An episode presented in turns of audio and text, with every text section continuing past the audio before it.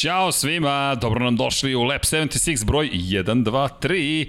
Igramo se svi, raspoloženje na nivou i dobro nam došli u studiju na kraju univerzuma, dobrodošli u Infinity Lighthouse i naravno sreda 21 čas, vreme za podcast posvećen Maveriku Vinjalesu. Šalimo se, ne Dejane, vrati se, Deki, vrati se, Dejane, vrati se. I to bi bilo to, izgovorio sam magične reči, ostali smo bez drugog domaćina. Evo, obećavam vam neću više spominjati. Mogu da spominjem Toma Cruza. Neka to bude možeš, šifra. Možeš.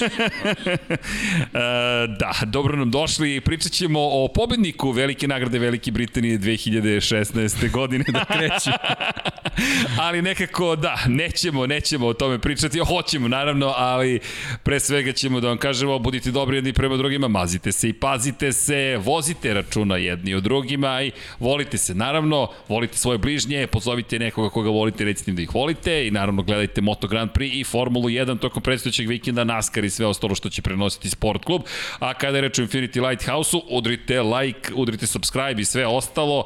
Hvala vam svima što ste tu. Naravno, kada je reč o nekim lepim stvarima, pa ukoliko možete pošaljiti 917 na 3030 da podržimo Bojana, ukoliko ste u Švajcarskoj Human 917 na 455, gde god da ste, šta god da ste, učinite nešto lepo, pozitivno, mi ćemo se potruditi da podelimo našu nekako radost što se vraća Silverstone najzad posle dve godine u kalendari. Kada pa nam padne na pamet Silverstone 2019 Ne, ne, sačekat ćemo, sačekat ćemo. Moramo ipak da, da, da, da uradimo neke lepe stvari. Podsjetit ćemo se par stvari. Charlija Vajsa, moramo da se setimo. Juče smo ga spomenuli. Neko je rekao da, da je moja uloga u celoj priči Charlija Vajsa. Ispado ste vi Mick Jagger i Kit Richards. Ne znam je li to pohvala ili nije pohvala i kome je to kompliment, ali ti se smeješ čudno. Ne znam, ne znam, da. da. Za one koji ne znaju, Bubnjar, Rolling Stones se nažalost napustio nas je 80. godine, ali rekli smo i sinoć, nećemo biti tužni. Zašto? Zato što čovek iza sebe ostavio lepotu, ostavio umetnost, ostavio muziku i samim tim mi volimo da se sećamo ljudi koji ostave trag iza sebe, uključujući muzičare. Čak možemo ovog puta reći nije baš nužno ni naše mladosti, ali su obeležili kompletan naš život. Tako da pamtimo Charlie Weissa i slušat ćemo možda Stonesa ovih dana. Verujem da svi se malo podsjećaju nekih ritmova koje je Charlie Weiss uveo u celu priču i volimo da krenemo od tih nekih lepih stvari. Igraćemo se večeras. Deki i ja, tu je negde stigo je MotoGP 2021. Ne zamerite ukoliko to ne bude baš na nivou nivou vaših omiljenih vozača, profesionalnih u e-sportsu ili na samoj stazi, ali činjenica da ćemo se eto potruditi da vas zabavimo, informišemo i naravno podelimo opet tu ljubav prema Moto Grand Prix-u i da krenemo mi, rekao smo, pričat ćemo o velikoj nagradi Velike Britanije. Silverstone se najzad vratio u kalendar, po, posle i to čudnih nekih situacija. 2018. godine otkazana trka usled kiše, ali smo makar imali zabavan prenos od jedno 4 časa prenosa padanja kiše. 2019. Vanja, 2019. Šta znači 2019. Mi moramo da vam prikažemo ovo u slici, oni koji slušaju na audio platformama, dobit ćete upravo opis, opis. možemo kultu fotografiju broj 1, molim vas, a bojim se da mi ne vidimo trenutno, ali ako je tu i Vanja nam kaže, pošto je Sony sada tu, pa mi to ne možemo da vidimo, tako da ćemo čudno da pratimo ovu celu situaciju. Ja sad vidim samo sebe, ali ukoliko vi vidite fotografiju, a vidi, poster se pustio. Ne, ne, ne. Kultna. Bio je poster, pa ja to nisam video, Vanja.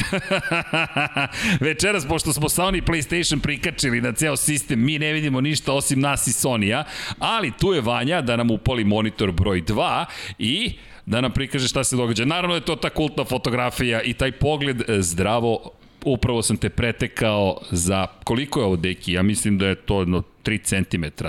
Otprilike Malo, i... možda više, ali... GP Balkanci kaže, već čujem tu fotografiju. Da, to se čuje se ova fotografija. Ljudi, zato smo uzbuđeni što je reč o Silvestronu i autor večerašnjeg naslova, put u nepoznato. Zaista je deki Iz više uglova. Da, Iz više da, uglova. Da, da krenemo od kogod će ugla da krenemo, ali morali smo do ove fotografije da krenemo.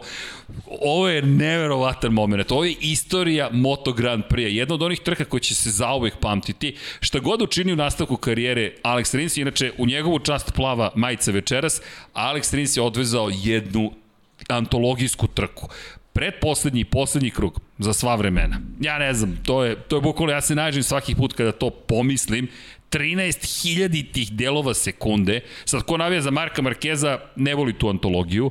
Ko voli Aleksa Rinsa, obožava tu antologiju. Ko voli Moto Grand Prix, verujem da kaže, ok, ovo je bilo ovo je bilo za pamćenje. Pa da, i ako smo o nekom manevru uh, pričali kao nečemu gde je postojala priprema pre nego što je ovaj izvršena egzekucija, to je to je bilo ovo. Toliko očigledno je u prethodnom krugu, to jest u pretposlednjem krugu trke bilo uh, ovaj, da će, da, da Rins u stvari priprema napad, da, da je ono, samo smo čekali kad će to da se desi i stvarno onako bilo nezaboravno zaista. Jeste, to je, to je bilo za, za, za, za, za bukvalno za pamćenje. Inače, jedan od komentara, nije, šta sam rekao, Charlie Weiss, Charlie Watts, Watts izvinite, molim vas. Da. To je lapsus lingu, negde sam se prebacio u, ne, u, jednu drugu, u jednu drugu dimenziju, tako da, izvinjavam se, Charlie Watts je u pitanju, hvala za korekciju kogod da je poslao komentar, ali da, činjenica je da, da eto, grešimo. To, ovo je jedan od onih lapsusa koji će se pamtiti. Sinoć sam imao jedan manje neprijatan, iako je bio, šta sam rekao, da budemo na visini nivoa. Ok, eto, to se desilo u nekom, da se, da se izvadi, evo, još uvijek se smeju ljudi, dva, 128. minutu podcasta. U žaru borbe, da. U žaru, u žaru nivoa.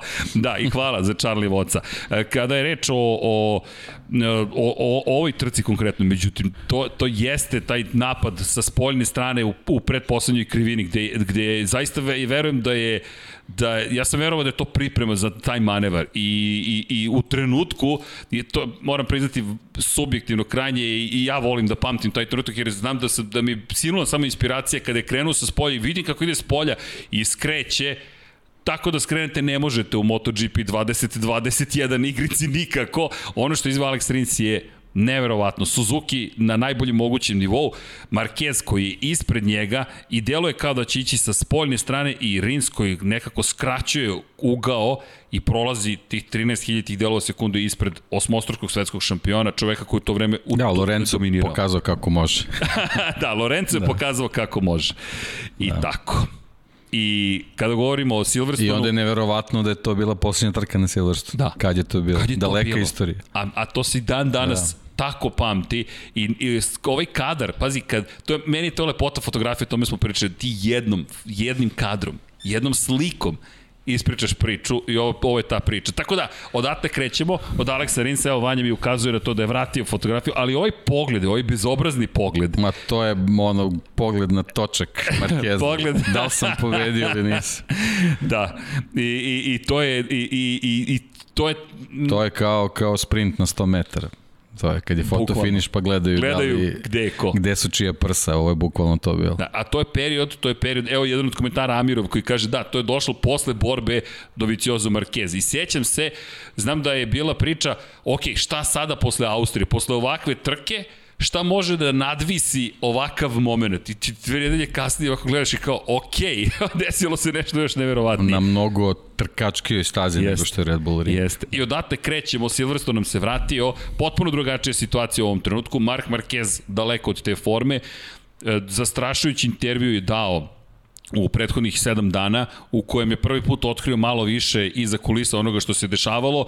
Ne zamerite, ne krećemo ono klasično, e, generalni plasman je taj, taj, taj, taj, taj, proći ćemo i to, nemojte da brinete, ali pričamo pre svega o ljudima. Mark, ljudi sa ove fotografije, Mark Marquez u ovom trenutku vraća se u formu, pokušava da se oporavi. Međutim, rekao je da je u jednom momentu prošle godine strahovao da neće više nikada moći da koristi svoju ruku. I to je negde u skladu sa onim što smo pričali. Deki, to je ona tvoja analiza gde si ti tačno i, i komentarisa u tom trenutku koliko ozbiljna situacija.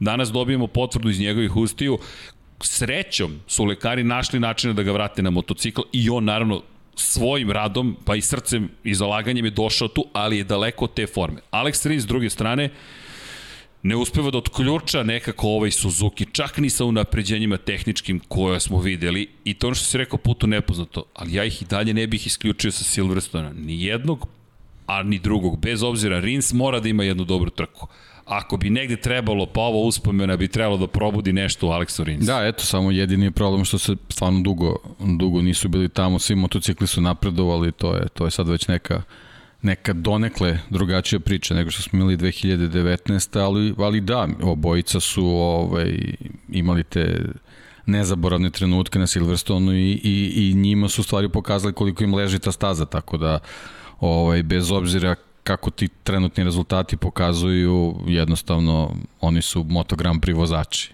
Na svakoj stazi, na svakom startu teže ka maksimumu, a, a to je onako nekako izraženije kad su na stazi koja im odgovara, tako da da, i Rins i Marquez moraju, moraju da se prate sledećeg vikenda. Pri čemu? U, u, u sve to, Znam da smo rekli da ga nećemo spominjati, postoje kao Voldemort, ne brini, ne brini, ali samo da napomenem, 2016. jedan Suzuki je vozač i slavio ovde, čisto da napomenemo, tako da Suzuki ovde funkcioniše iz kojeg god razloga. Prva pobeda, tako? Tako je, prva pobeda u karijeri. Tada smo pričali i moram priznati da mi dalje žao što je 2017. otišao u Yamahu i dalje verujem da je ostao u Suzuki da bi to drugačije izgledalo, da bi imao zaista svoj tim koji je okupljen oko njega. Opet bi imao Aleša Espargara kao klubskog kolegu, neverovatno, ali istinito. Aleš koji je otišao iz Suzukija, pošto je Suzuki potpisao ugovor sa Andrejom Janonem i rekao, e, Aleš, mi dovodimo vozača broj 1. I onda Aleš skočio u aprilu i evo sad su ponovo klubski drugari. Pa eto, vidit ćemo kako će to da izgleda.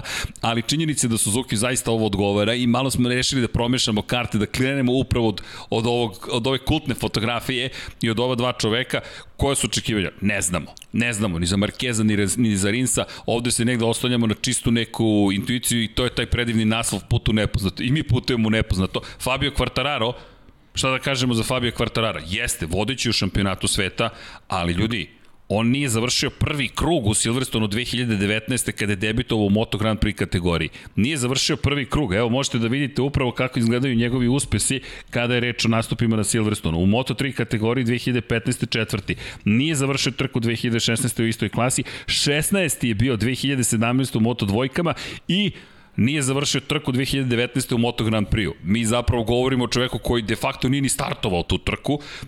Završilo se onim incidentom između njega i Andreja Dovicioza za one koji su zaboravili u kop skrivini. Eto, malo da se podsjetimo kako to izgleda s motociklima. Ove godine smo videli s Formulom 1 između Luisa Hamiltona i Maxa Verstappena. Fabio Quartararo izgubio na trenutak kontrolom motociklom, uleteo u Andreju Dovicioza, lansirao ga. Lansirao ga, to je bukvalno. baš je bilo onako strahovito. Ružan pad. I ko zna kako bi trka izgledala da je Doviciozo ostao na stazi Doviciozo koji je slavio na prethodnoj trci održanoj u Silverstonu 2017. godine kada je otkazao redko otkazivanje motora Marka Markeza, ali vodeći u šampionatu sveta, trenutno vodeći, čovjek ima 181 poen, prednost od 47 bodova odnosno na Francesca Banjaju, vozača fabričkog, fabričke ekipe Ducatija i branioca titula Joana Mira, nije odvezao jedan trkački krug u Silverstonu. Gledate i kako izgleda trka za titulu, bitka za titulu, izjednačeni su neverovatno istinito Miri Banjaja, nekako konstantno blago povećava svoju prednost Fabio Quartararo i ovo, ovako trenutno je, ovo je trenutno stanje vodeće trojice.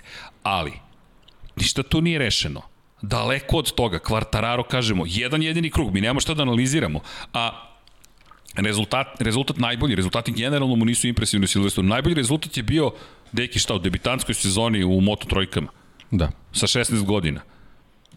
Ok, toliko je brz, toliko je dobro vozio u Austriji, znamo da će biti konkurentan, ali opet... Pa da, jednostavno podaci vezani za Quartararo slash Yamaha slash Silverstone ne postoje, ali ono na što ovaj, Yamaha treba da, da, da, da se fokusira da bi izvukla bilo šta iz toga, u stvari ne Yamaha, nego generalno Fabio Quartararo, to su nastupi Jorge Lorenza, ali on je praktično jedini koji je koji je sa Yamahom na, na Silverstonu radio neke, neke značajnije stvari i, i napravio neke značajnije rezultate. Sad, zbog svega šta se dešavalo u, u prethodnim danima i nedeljama vezani oko Yamahe, njihova situacija i dolazak na, na Silverstone je onako prilično neobičan. Ovaj, a znamo da će da će britanska javnost za koju je ovo praznik motociklizma, ne, ne, ne, nema šta da pričamo, ne, nema sumnje da je, da je tako, imaće čak svoju, svoju dvojicu svojih vozača u redovima Yamahe, tako da Yamaha baš ima izuzetno specifičnu situaciju ovaj, vezano za, za ovu trku Silverstone i u Silverstonu i, i mislim da Fabio bi, bi trebao iz ove situacije da, da izvuče dosta pozitivnih stvari, bez obzira što iskustvo kaše nula. da, iskustvo je po, da. jedan, jedna krivina. Da, bukvalno, bukvalno da. jednu, da. čovjek ima jednu krivinu u Moto Grand Prix kategoriji, vodeći u šampionatu sveta, znamo da će biti brz, ali opet, dolazi Rins, koji vozi Suzuki, onda smo rekli Suzuki ima svoju šansu. Podsjeti me, koji je drugi vozač na Suzuki-u? Njegova priča tek posebna. Tek i tek posebna, posebna priča, a da. tek i počinje, rekao bih. Ne zaboravimo, Mir te 2019. Ako, ako Quartararo ima krivinu, Mir nema ni jednu nema krivinu ništa. u Moto Grand Prix. Bukvalno da, čovjek da. nije izašao na stazu nije izašao na stazu u Moto Grand Prix klasi. Za one koji su zaboravili, tu smo mi naravno, velika nagrada Češke u Brnu i... Kakva linija. Kakva linija. Joan Mir, deveti i peti, hvala Dragoju Stanišiću za podršku, hvala svima, Momčilu Vukiću, hvala vam svima u Vanja, da se zahvalimo našim pokroviteljima, molim te.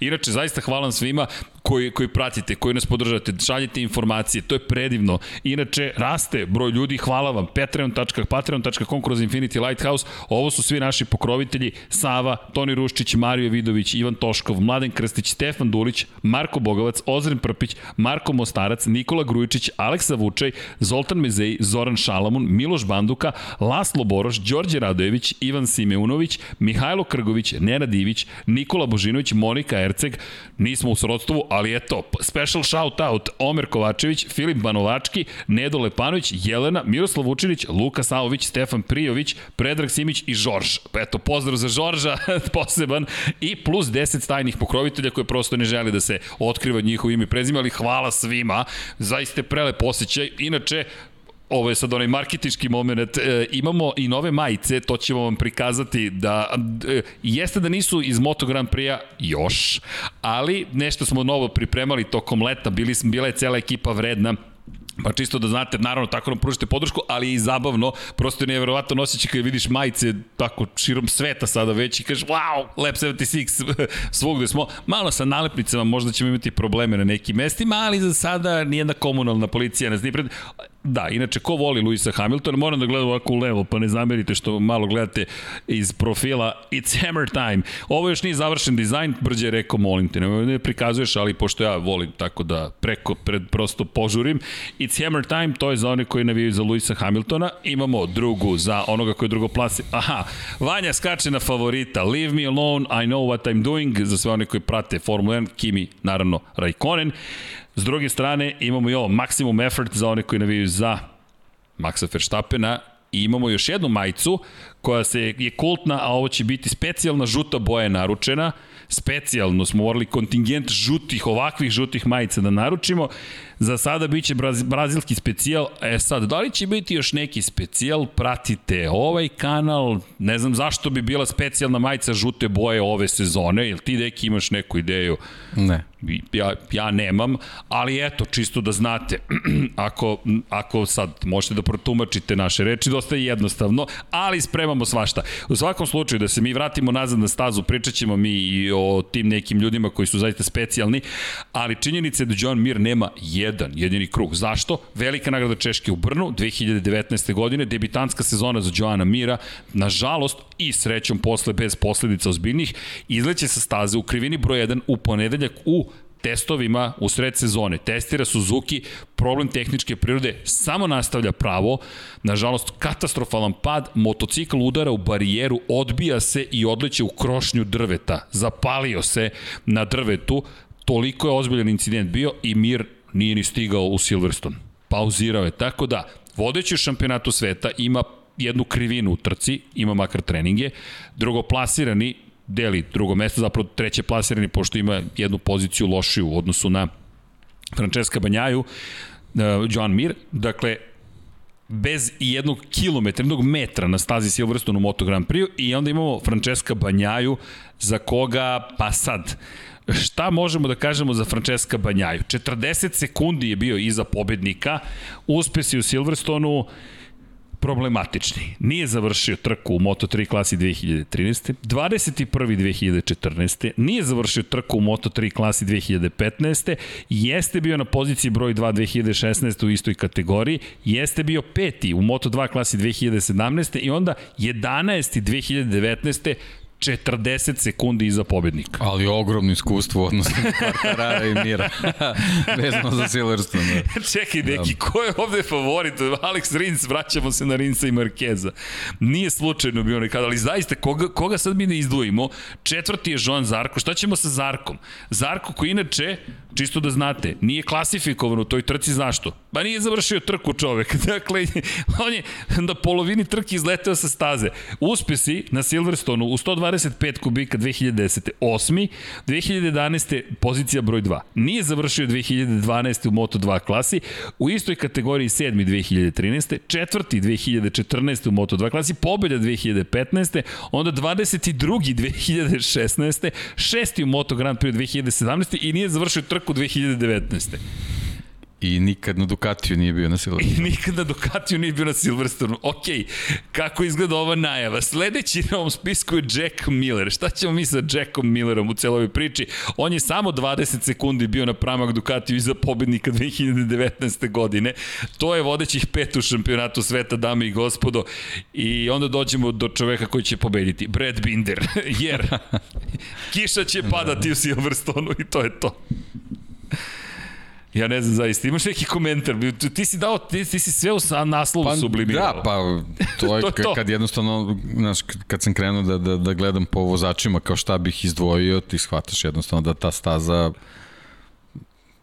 Zahtevna je. Zahtevna je, Kao što, kao što jeste. Mislim, kao što ćete jedna, videti. Jedna od najbržih staza u, u šampionatu, krug je skoro 6 km, mislim, to, to je ne, ovo. ozbiljno, ozbiljno zahtevna staza za motocikl i onda vidiš da, da imaš vozače na, na mašinama koji su ono već, već dve sezone, ovaj, imamo dokaze koliko su moćni, koliko je i teško je upravljati njima, koliko ih je teško pripremiti za trku i onda dolaziš na mesto gde ono svaki, svaki krug do, do, do velike nagrade u stvari ispadne da, da je najbolje da, da, da, da, da svi voze kroz Q1 da bi što više, više krugova provezli da bi, da bi se ovaj pripremili za, za trku. E, prosečna brzina u najbržem krugu je 179,7 km na čas. U trci 177 km na čas. Maksimalna je 333,3. Mi govorimo o ozbiljnim prosečnim brzinama. To je 10 km na čas prosečno veća brzina nego na primjer u Valenciji i to su ozbiljne brzine, pri čemu kao što što si rekao, 5900 metara konkretno je dugačka staza, da budemo super precizni. Pravac je 770 metara, ali čujte pravac, posle Megoc, Beckett i Čepel, ti izađeš na pravac kod hangara, vidjet ćete kasnije da li ćemo mi stići do tog pravca. Pri tom su Megoc, Beckett i Čepel na motociklu. Na, moto, na motociklu ti prolaziš kroz... Ne, ne, Silverstone, s jedne strane Donington nam nedostaje. Priznajem, Donington meni makar nedostaje. Yes, da, to je, se, apsolutno. uf, motociklistička staza. Da. Ali, okej, okay, u Silverstone smo. Ovo je pista, to stalno pričamo. Ovo je, ovo je objekat sagrađen 1940. godina, to je bio aerodrom za vreme drugog svetskog rata, kao staza 1948. I mi od tog momenta krećemo nekako u građenje istorije automotosporta. Ovo je staza na kojoj je prva trka Formula 1 u istoriji održana, 1950. godine. Mnogo je tu istorije. Veliki je objekat. Mi očekamo puno gledalaca. Jake Dixon će voziti sa Valentinom Rossijem, da ne zaboravimo to što si rekao, pa, Petros Yamaha. Da, da, da. Imaš Kala Krašla u fabričkim bojama Yamahe.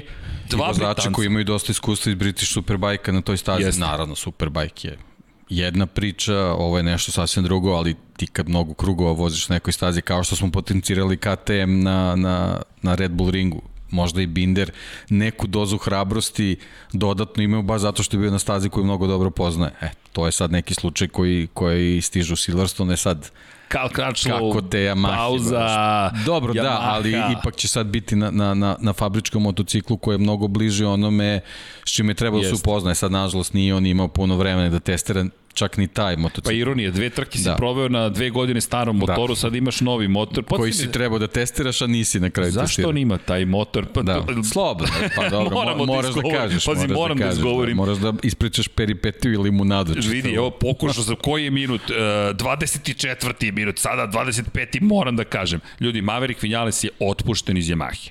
Verujem da većina to zna, ali otpušten je. Dakle, to je to, kraj otpušten, završili su, ugovor je završen, eno ga na Instagramu trenutno postavlja fotografije istorije bez obeležja Yamahe, ugovor ima sa Aprilijom od početka sledeće godine, svi očekujemo nekako u Aragonu, najkasnije Mizanu da ga vidimo zapravo na stazi, zašto? Pa prerano je da bi se pojavio u Silverstonu, tako da očekujemo da će se pojaviti. Mnogo je tu reči sad i o Lorencu Savadoriju i pravdi za Lorenca Savadorija. Nema te pravde, pogotovo ne u sportu, pogotovo ne u ovako konkurentnom sportu i ovakvom poslu. Lorenzo Savadori ne može da se poredi s Maverickom Vinjalesom. Vinjales je šampion sveta Moto3 klase, višestruki pobednik u Moto Grand Prix, neko ko poznaje Yamahu, kako god se odnosio i obhodio prema celoj toj ekipi prosto poznaje, zna da pobeđuje, pobeđivo je ovde na Suzukiju, neće se, kažem, pojaviti, ali očekujemo Vinjalesa do kraja godine ipak da sedne na tu Apriliju, prosto bi bilo neverovatno da ne iskoriste priliku koju su ukazala, a komentar na to što je otpusten, možete da zamislite koliko je velika sramota koju je pretrpela Yamaha, da je spremna da odseče svaki kontakt i svaku vezu sa Maverickom Vinjalesom u sred trkačke sezone. Deki, to za Yamahu je jedan od najvećih udaraca, čak i u najvećoj svađi sa Valentinom Rosijem i ideji da li će ga pustiti da testira Ducati ili ne, nije bilo govora o nečem sličnom. Ovo je, pogotovo za japanske fabrike, u aprili smo znali da se, deša, da se desi drugačije stvari, ali Japanci imaju malo drugačiji pristup celoj priči. Poslovna kultura, generalno životna kultura je drugačija i ovo je velika sramota, namerno to potencira da bi se znalo šta se do ove tektonskih razmera. Ba, da, već smo ali, Samo, nazali, ali, analizirali smo, ali meni onako naj, naj, najveći utisak svega toga je Yamaha je japanska ekipa koja radi u Italiji. A ispada da je najveće dostignuće Maverika Vinjali za to što otero Valentina Rosija iz fabričke ekipe. Da, na kraju to je najveća posledica njihove saradnje. To je, to je meni taj utisak uh, da je, da je čovek koji nekako nije u tom krugu Yamahinom oterao neko koji treba karijeru da završi u, u fabričkim bojama Yamahe, a u stvari je učinjena usluga Petronas, ono što si pričao i prošli put. Pa, Petronas učinjena ogromna usluga, pogotovo sada, sada se traži kačket više, majica više, zastavica više, zašto? da bi se kupio neki suvenir, neka uspomena na trke na kojima i dalje vozi Valentino Rossi. Šta očekujemo od Rosija? Isto što i do sada neka bitka, možda se probije do Q2 i to je otprilike maksimum i on je svestan toga, ali nećemo zaboraviti njegove velike uspehe. Vožnje na Silverstonu, meni je najveći utisak 2015. godine bio ona čuvena borba za desetu titulu koja na kraju nije se završila u njegovu korist. Jorge Lorenzo svojio svoju petu titulu, ali mi govorimo o trci u kojoj Valentino Rossi po kiši, po potopu se bori za pobedu i beleži pobedu u momentu kada deluje kao da ne može ponovo da triumfuje te sezone, dolazi do jednog od najvećih uspeha u, u svojoj karijeri, ja bih rekao, ja bih to svrstao među jedne od njegovih najvećih pobeda, iskreno, jer to je u nekim poznim godinama. Inače, Dani Pedrosa se oglasio po pitanju Valentina Rosija i rekao, ljudi, sada ga cenite još više. Jer ja, kaže, sa 35 godina, znam koliko je teško da preživim koliko, kada, kada ste sve stariji stvari, ali kada osetite ovo, sada iz ove perspektive i koju imao priliku da vozi na veliko štajerske, rekao je, iako njegovi rezultati nisu više ono što su bili, cenim njegovu posvećenost onome što trenutno radi. I koliko je teže kako godine prolazi. Da, ali to samo treba još jednom podsjetiti i ti to isto ovaj, često naglašavaš uh, uh, vezano za rezultate Valentina Rosija. Uh, plasmani možda nisu ti. Tako je. Kakvi, kakve svi očekuju uključujući njega, ali rezultati uopšte nisu loši. Vremenski krugovi. Ljudi. Kažem, samo se vratite pre 3, 4, 5 godina analizirajte Moto Grand Prix trke i da vidite sa takvim zaostacima koja se pozicija zauzimala tada. On je među vodećih šest. Upravo 6, to. 7, to je Tako to. Tako da plasmani su ti koji njega ne zadovoljavaju, a rezultati... Lepo rečeno. Hvala. Teško, teško da, da neko Hvala. može da kaže bilo šta vezano za to. I, i, I, izvinjam se, još jedan jako važan detalj. Uh, kad se desila situacija sa Vinjalesom, najavljeno je da Kal Kračlo vozi tri trke. Treća trka, Treća trka je, je velika nagrada Britanije. Britanije. Šta će biti dalje sa drugim sedištem u fabričkoj ekipi Yamahi? Tako da ova, ova trka može iz te perspektive da uh, menja neke situacije u fabričkom timu bez da sad nešto ovaj aludiramo ili najavljujemo ili ne znam šta. Ali činjenica je da... Činjenica je da posle ove trke jedna fabrička Yamaha nema vozača. E, inače, Karl Kračo se zahvalio Yamahi za, za podršku koju je dobio. Prosto rekao je da kada je reč o celoj sezoni mora prvo s porodicom da razgovara, ko zna šta ćemo saznati. Upravo to, on, on nije taj koji odlučuje da li će možda voziti do kraja sezona. pa tu se sad postavlja pitanje, ok. Ovde su ga pustili, ovo je domaća trka, sve ok. Ne, ovo, Ali... ovo se znalo da će se desiti, da. pazi, ovde smo znali šta će da se desi, jednostavno i plan jeste bio, eto, volšebno da, da se završi bitka zapravo, to je bitka, da se završi taj niz vožnji baš kod kuće, još uz Jakea Dixona kome se otvorilo. Inače, ne znam ko je tweetovao, postovao, šta god je uradio na društvenim mrežama, Valentino Rossi u prethodnih 20 godina imao četiri klubske, četvoricu klubskih kolega, u poslednjih pet trka je imao četvoricu novih klubskih kolega. Kakva sezona za Valentina Rossija.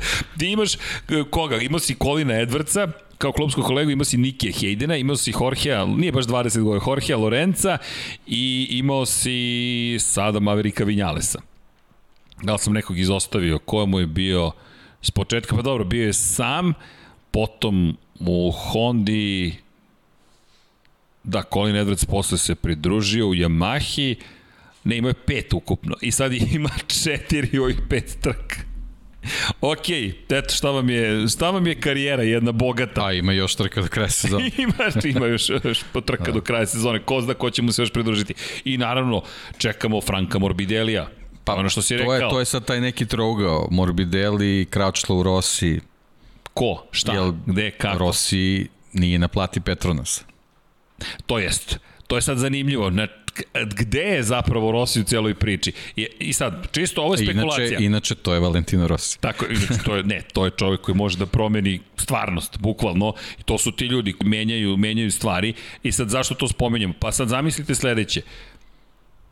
Rossi, Petronas, Morbidelli, Petronas, je li tako? Odjednom je upražnjeno mesto u fabričkom timu Yamahi. Franco Morbidelli će dobiti taj ugovor za 2022. verovatno i 23. Pa, skoro izvesno. Da. To je Jarvis da. već nezvanično potvrdio i Jarvis ne progovara tek tako, David Emmet ne prenosi informacije tek tako, naš kolega sa motometras.com, prijatelj, čovjek koji, koji, koji, koji ima priliku, organizovali smo konferenciju 2012. u Budvi, webfest.me se zvala konferencija i David Emmet je bio gost u Budvi i pričao o tome kako je zapravo naterao Honda, tome smo diskutovali samo kratko da promeni ne samo Honda, kako predstavljaju nove motore zato što je uzeo softver za analizu, uzeo je, ne znam, Soundforge, ja mislim, ubacio je zvuk Hondinog motora i zaključio da je uvela seamless gear shift, jer je gledao kako se brzo menjaju brzine i ustanovio da 0,3 sekunde po krugu se dobije na probnim stazama i od te godine nikad više ne dobijamo u tim probnim tim snimcima zvuk motora I, i to je David Emmet uradio pa smo ga mi zvali,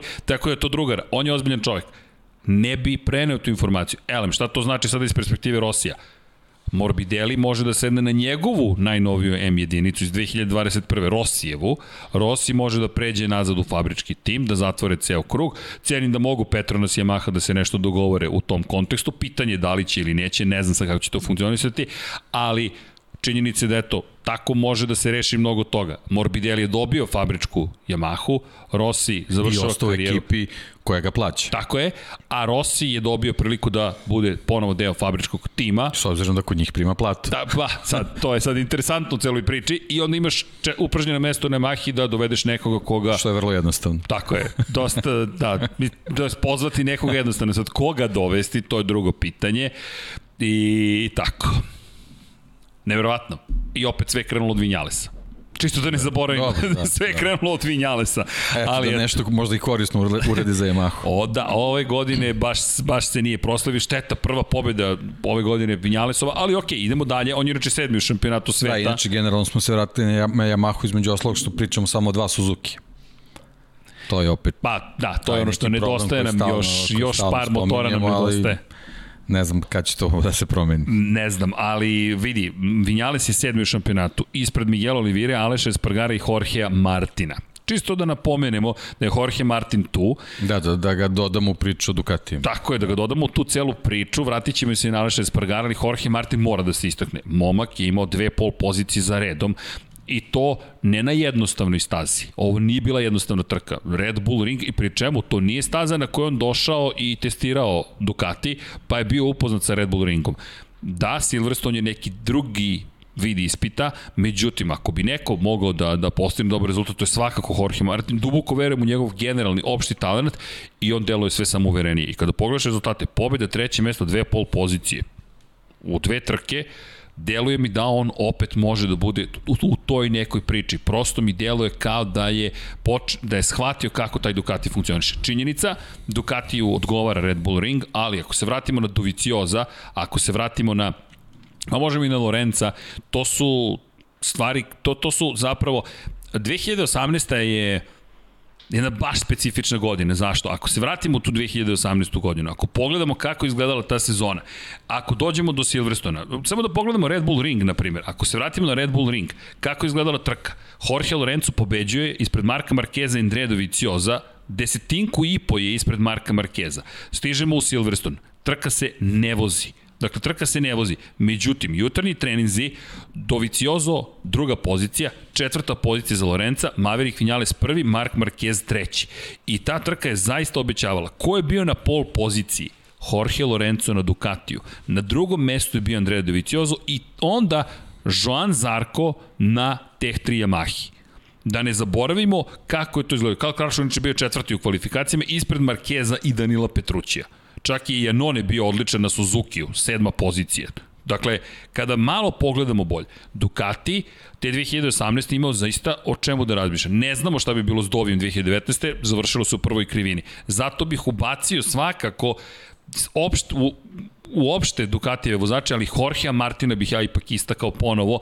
Možda sam previše skeptičan prema Francesku Banjaj, ali iz nekog razloga mislim da polako, uz pritisak, ne znam da li ste, da, da, da, i si video komentar Luigi Dalinje, koji je rekao da moraju da vode računa fabrički vozači da želi Jorgea Martina u crvenoj boji.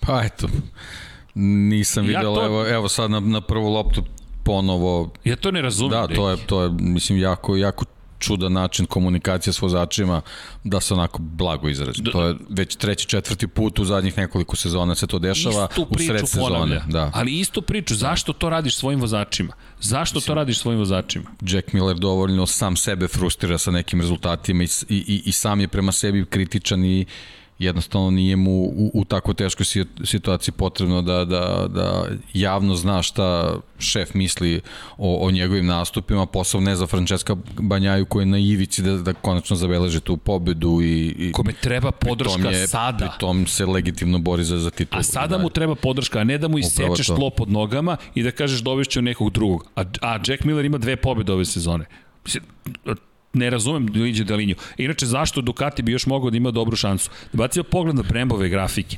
Obratite pažnju za, i zašto sad Ducati u toj celoj priči. Da, videli smo da je odličan bio na, na koči. Možemo vanja onu drugu grafiku gde se vidi staza Silverstone baš. Obratite pažnju, ovo je ovo volimo da prikazujem. Inače, hvala Brembu, izvor informacije jeste Brembo. Mi smo preveli, da svi možemo da svi mogu da pročitaju dakle da li razumeju engleski jezik ili ne kočiona lična karta staze.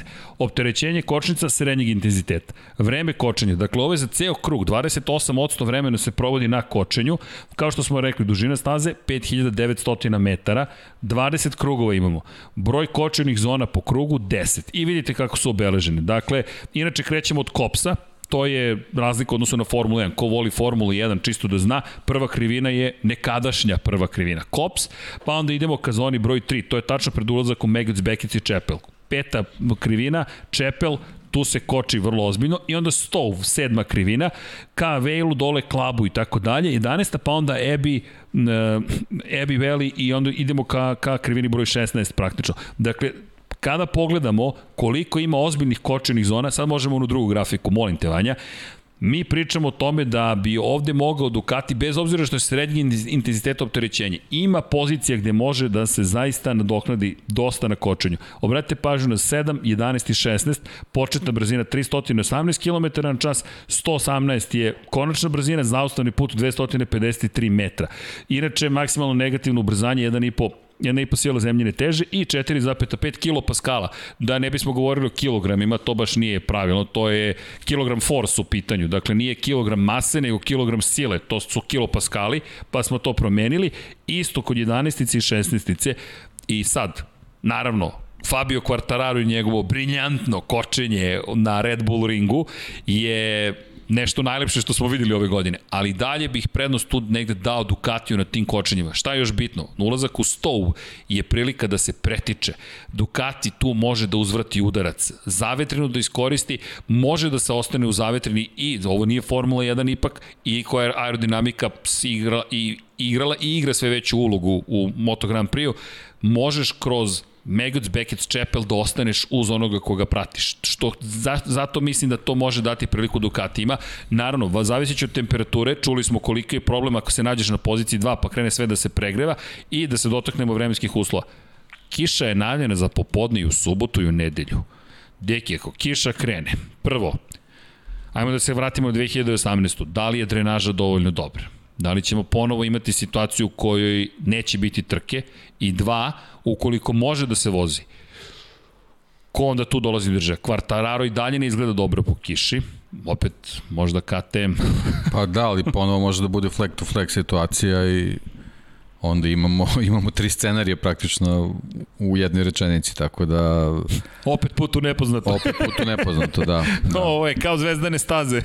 Idemo, we'll, we go boldly where no man has gone before. Da, dakle. Da, uz, uz ovaj, te prednosti Ducatija, prednosti su i kod vozača koji umeju da koriste situaciju sa kasnim, kasnim kočenjem.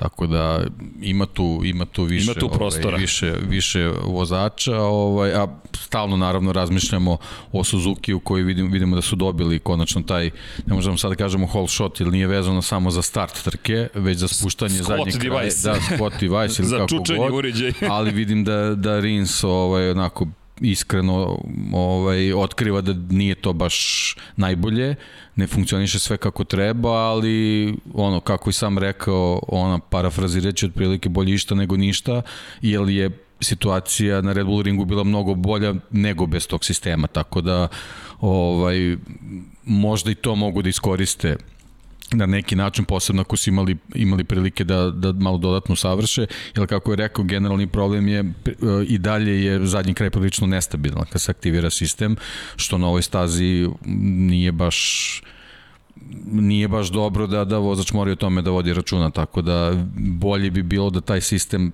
funkcioniše kako treba da bi mogli da iskoriste kompletan potencijal. Da, kada je reč tako o... da, izvini, gledamo naravno, na njih upravo, upravo zbog toga. Pa, kada govorimo o Rinsu generalno, Mir je nekako mnogo bolje iskoristio i samo uređaj. Delo je sigurniji u sebe, ali to opet verno kreće od sigurnosti. Pa, od samopouzdanja. Nije, nije badava čovjek svetski šampion. Nije. Ni, i iako, ja. iako do, do prošle godine su svi bili u nekom rangu, ipak Mir odskače malo. Bez obzira što je njegov, njegov stil osvajanja bodova i probijanja kroz šampionat potpuno drugačiji od, od nekih filozofija, na, na više načina je pokazao zašto je šampionski kalibr. Ali se i oglasio. Da. I Mir je prvi put progovorio u kontekstu titulu, za, borbe za titulu, za odbranu titula šampiona sveta i rekao je Kvartararo će pogrešiti. I on to čeka. To je vrlo zanimljivo.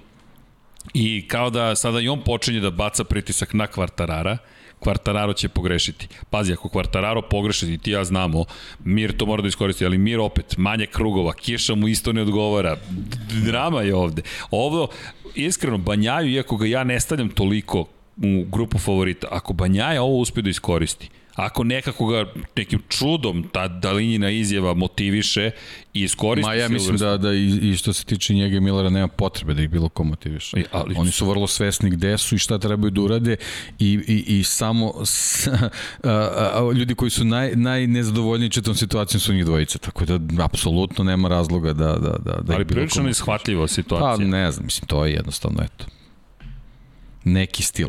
Ali koji je to stil menadžmenta? Ti svaki put svoje vozače oteraš praktično. I ti umesto da ih podržiš i kažeš čekaj, ok, bilo je, nismo sve postigli što smo hteli, ti im kažeš ne, ne, vidite ovog malog, e, da, on će doći. Ali i na Kako? tog malog kreće pritisak. A, ba, Bespotrebno. Pusti pa, ga, nek, nek završi sezonu na način kako su, sećaš se kako su lepo krenuli sa izjavama i pričama. Yes. Nema razloga. Pritom, pusti ih da uživaju u rezultatima koje prave. Mislim, to su istorijski rezultati za pramak i nek, neka bude tako kako treba da bude. A još Nema je... razloga da, da ti sad već pričaš da oni neće imati Jorge Martina sledeće sezone. A i ne samo, još jedna stvar, ako Jorge Martin ne bude na toj, na visini tog zadatka, opet će doživeti to isto, upoznaće se sa tom drugom stranom. E, više nisi dovoljno dobar. Ne, Pritom, izvini, ima, ima situacija, posto, naravno postoji jednostavno hipotetički pričamo o tome šta ako Jovan Zarko osvoji, Jovan Zarko osvoji titulu šta ćemo onda a nikoga ne spominje obojicu, hoćeš obojicu prebacuješ od Ducati u fabrički tim ne, nema razloga da, da uopšte se govori sad na taj način o, o bilo kome ili, ili koliko god ova sad situacija namenja, koliko ima trka do kraja sezone, ima još puno da se vozi. Apsolutno nema razloga sada da se govori o tome. Ne, ne znam, meni je zaista bilo šokantno. Čitam izjavu i razmišljam, ok, zašto ponovo? Zašto ponovo? Zašto se kreće ponovo sa time? Možemo da sačekamo Posebno kad pričamo o stazi gde dolaziš već si malo generalno rasterećeniji. Vidimo već da je bio veliki pritisak na Red, na Red Bull ringu, nisu radili ono šta, šta su očekivali šta, i šta su svi očekivali, pusti da, da, da se bar taj Silverstone odradi kako treba. Jedini koji uradio zapravo je opet sve okej, okay, okay, ali, ali zašto, onda pohvali zašto, njega, nemoj da govoriš o tome je, da ćeš ga i to je to, ali ne moraš da imaš nastavak rečenice. Dobro, Luigi Dalinja i Ducati. Dobro, vidjet ćemo, bit će to meni, meni to vrlo interesantna priča opet sa Luigim Dalinjom, sećam se i, i onog dokumentarca sa Andreom Doviciozom, gde je potpuno suprotni pristup ima odnosno na ono što očekuješ. Kada spominjem Andreju Dovicioza, I Dom Pablo koji mi danas šalje informaciju Sky Sport Italija.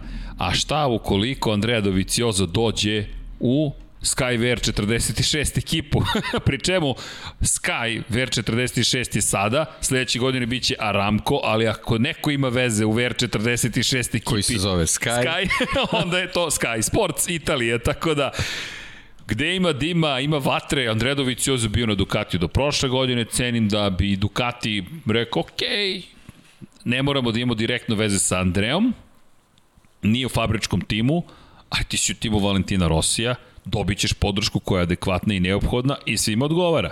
Dom Pablo mi pokazuje ovako nešto, vidi, ako vidite gospodine, ako je Ramko iza tog projekta, bit će i ovoga, ali ja mislim da bi Andrej Doviciozu imponovalo da bude zapravo u timu Valentina Rosija. Ako se setimo njegovih godina, kada je bio najuspešniji italijan u šampionatu, on je stalno ponavljao, ali ja sam najuspešniji italijan, zašto vole više Rosija implikativno?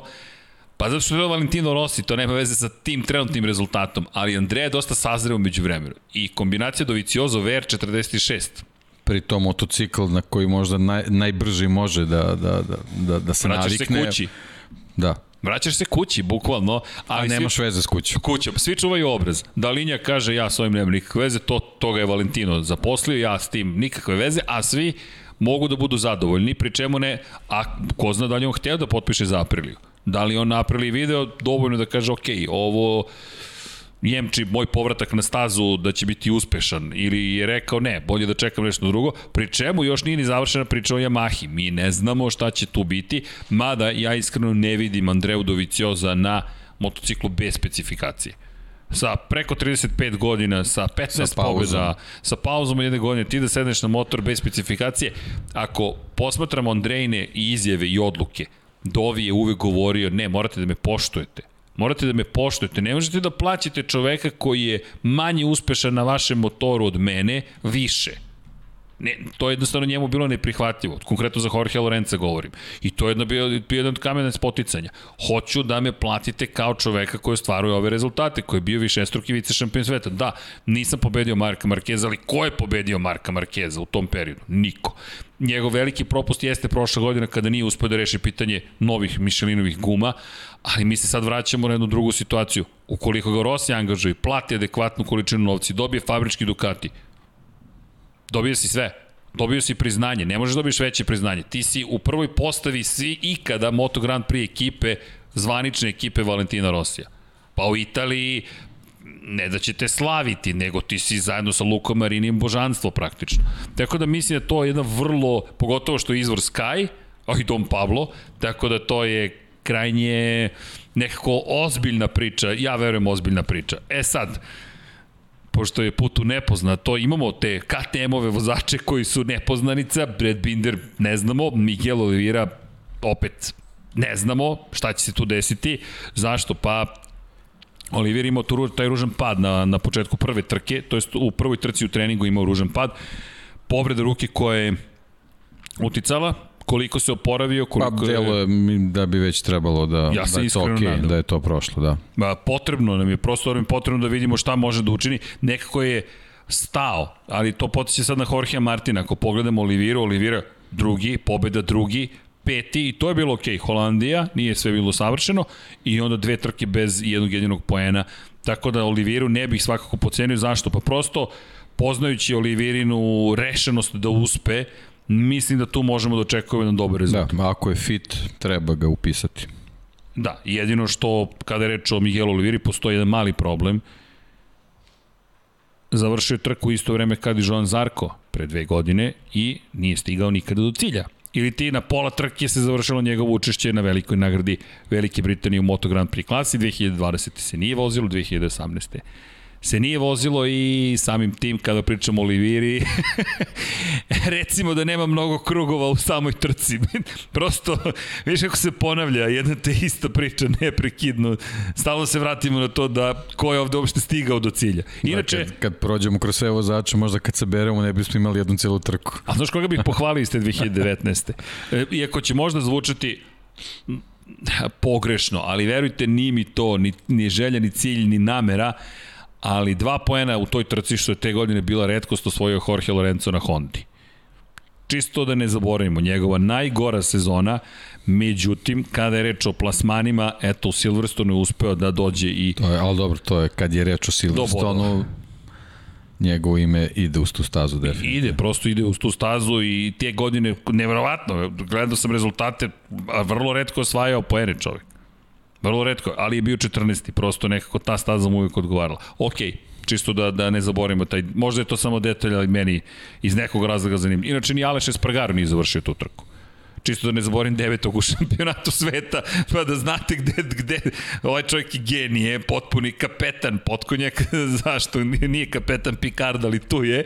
Dakle, u naslovu je sve rečeno i onda se vratimo na koga? Marka Markeza i Aleksa Rinsa koji su 11. i 13. u šampionatu sveta i kažeš to su favoriti za pobedu. Između njih je Takaki na Kagami. Kada pričamo o Takaki na Kagamiju, Ako vas zanima koji je bio 2019. reći ćemo vam poslednji klasifikovan vozač 17. minuti 40 sekundi iza pobednika. Tako da ne možemo čak ni da izvučemo u šampionatu sveta ni 12. plasiranog da kažemo e tu nešto se, nešto se valja. Alex Marquez 14. u šampionatu sveta, ali Alex Marquez te godine se borio za titulu šampiona sveta u Moto2 kategoriji. Inače, Augusto Fernandez je pobedio te godine u toj klasi i, i tako prosto nemaš koga da izvučeš. Možda je najveća šansa posle svih ovih Pole Spargaro, koji je bio 9 i 21 sekundu iza pobednika, ali evo sad u šampionatu već dolazimo do pozicije broj 15 i onda dolazimo do Franka Morbidelija. Kada je reč o Franku Morbideliju, pričamo o 2019. godini, pričamo o čoveku koji zapravo u tom trenutku možda ima jednu od svojih boljih trka, bio je na poziciji broj 5. Franko Morbidelli, ne vozi. Tako da, šta god da kažemo, ne, ne ovaj, možda je ovaj 1, 2, 3 zapravo podcast paradoksa paradoks, parakast. da.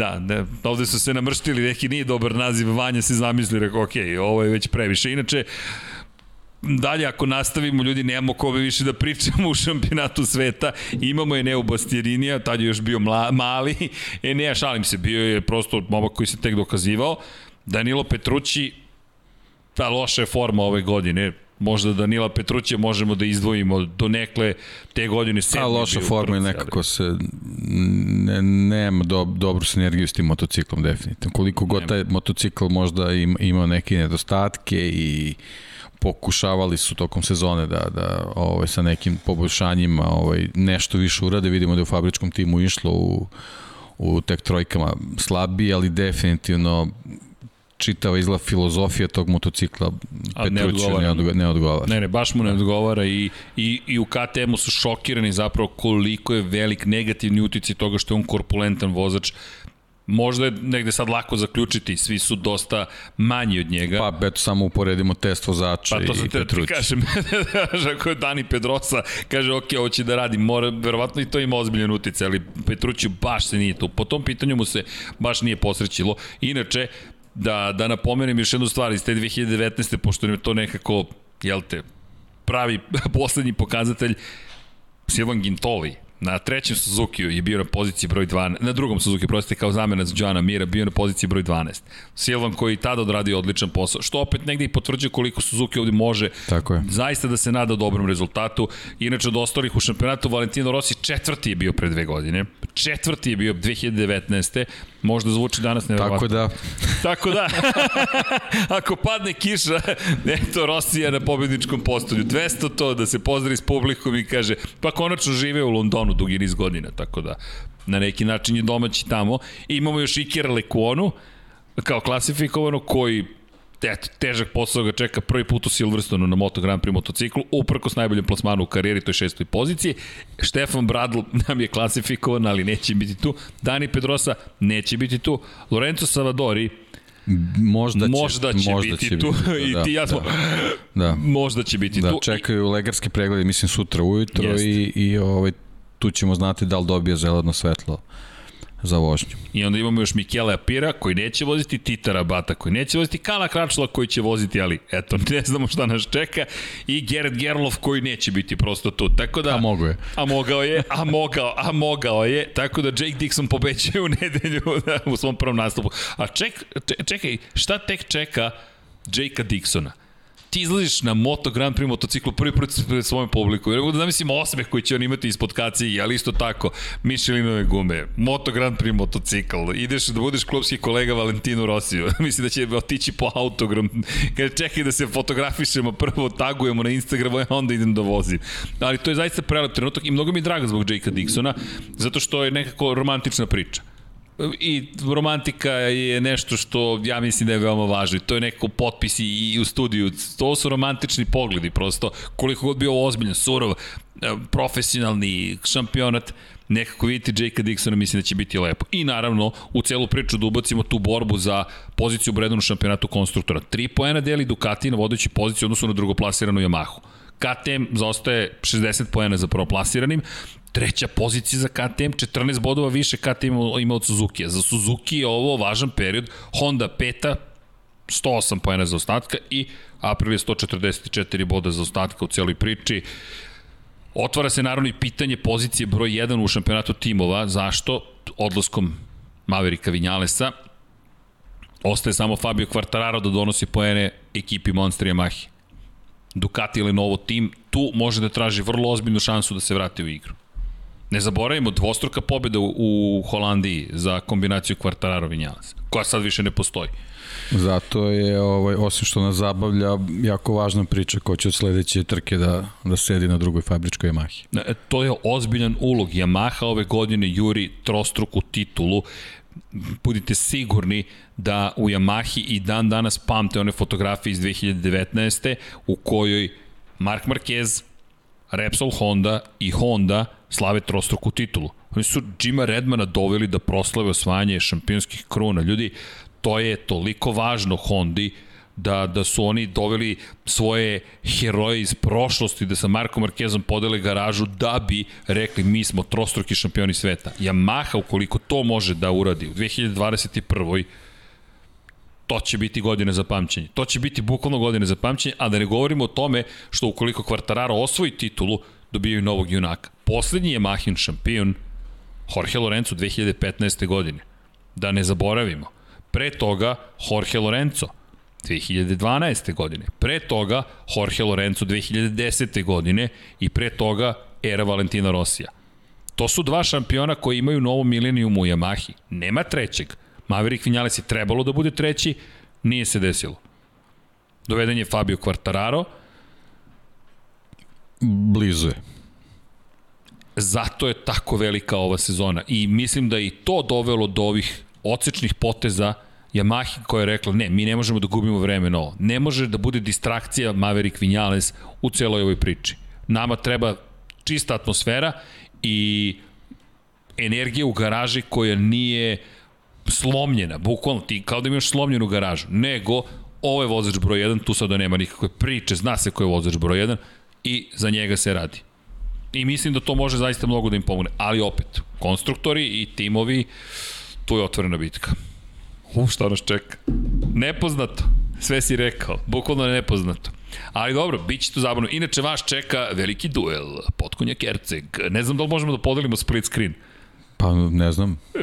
Da Vanja, Game Masteru, jel to postoji kao mogućnost? Nadamo se da postoji. Nismo igrali 2021, trebalo bi da postoji. Ja ću Vanja svakom slučaju da pokrenem mašinu negde u pozadini, ali da znate, to da vam spremamo za večeras. Hoćemo prvo da odvezemo krug, pa moto dvojke i moto trojke, ili ćemo moto dvojke i moto trojke, pa onda...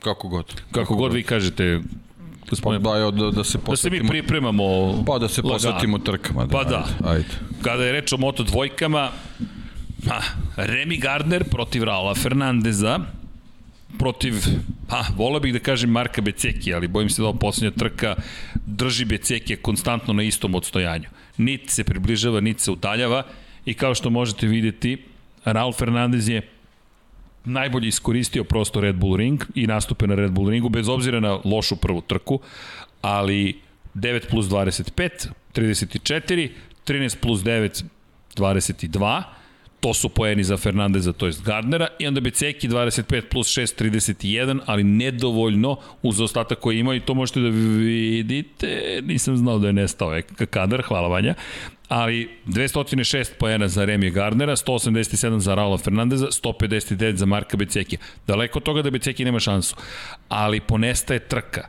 Velika Britanija, Aragon, Mizano, Amerika, Malezija je otkazana. Kada je reč o Americi, inače, iako se priča da će te trke biti otkazane, evo vam informacija iz prve ruke, dakle šta smo mi danas dobili.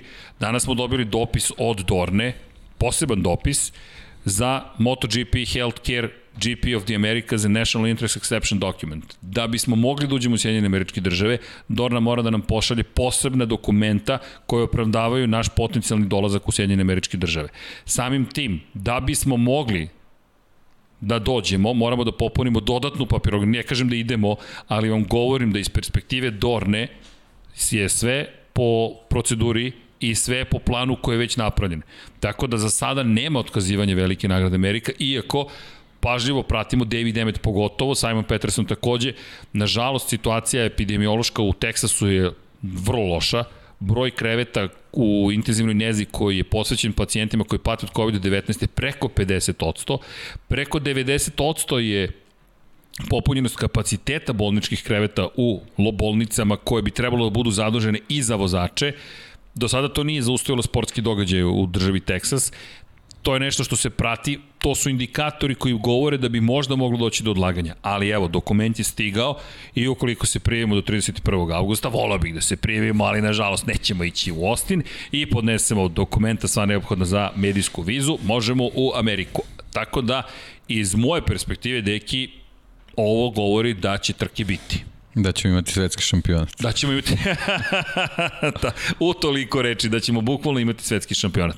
Ali zaista, po, postoji mogućnost da mi opet imamo trke samo u Evropi, što o čemu vredi razmišljati i što nas dovodi sada do Marka Beceki. O tome nismo toliko da, diskutovali. Da, osim, izvinjam se, ne, ovaj, e, nezgodna situacija, kalendar, vremenski uslovi, Jesen Moto Grand Prix je malo ovaj, komplikovaniji po tom pitanju od, od automobilskih trka, tako da i to je ta neka zadrška i, i, i pitanje gde će se tražiti te lokacije koje bi trebale možda da, da popune kalendar. Kao što smo rekli, velika nagrada Japana više prosto nije na kalendaru.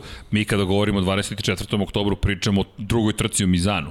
Tako da, neće poslednja Rosijeva trka biti u Italiji 19. septembra, već 24. oktobra. Pri čemu mi ne znamo ni da li će 14. novembra biti njegova poslednja trka u karijeri, pošto ne znamo da li će doći Valencija broj 2.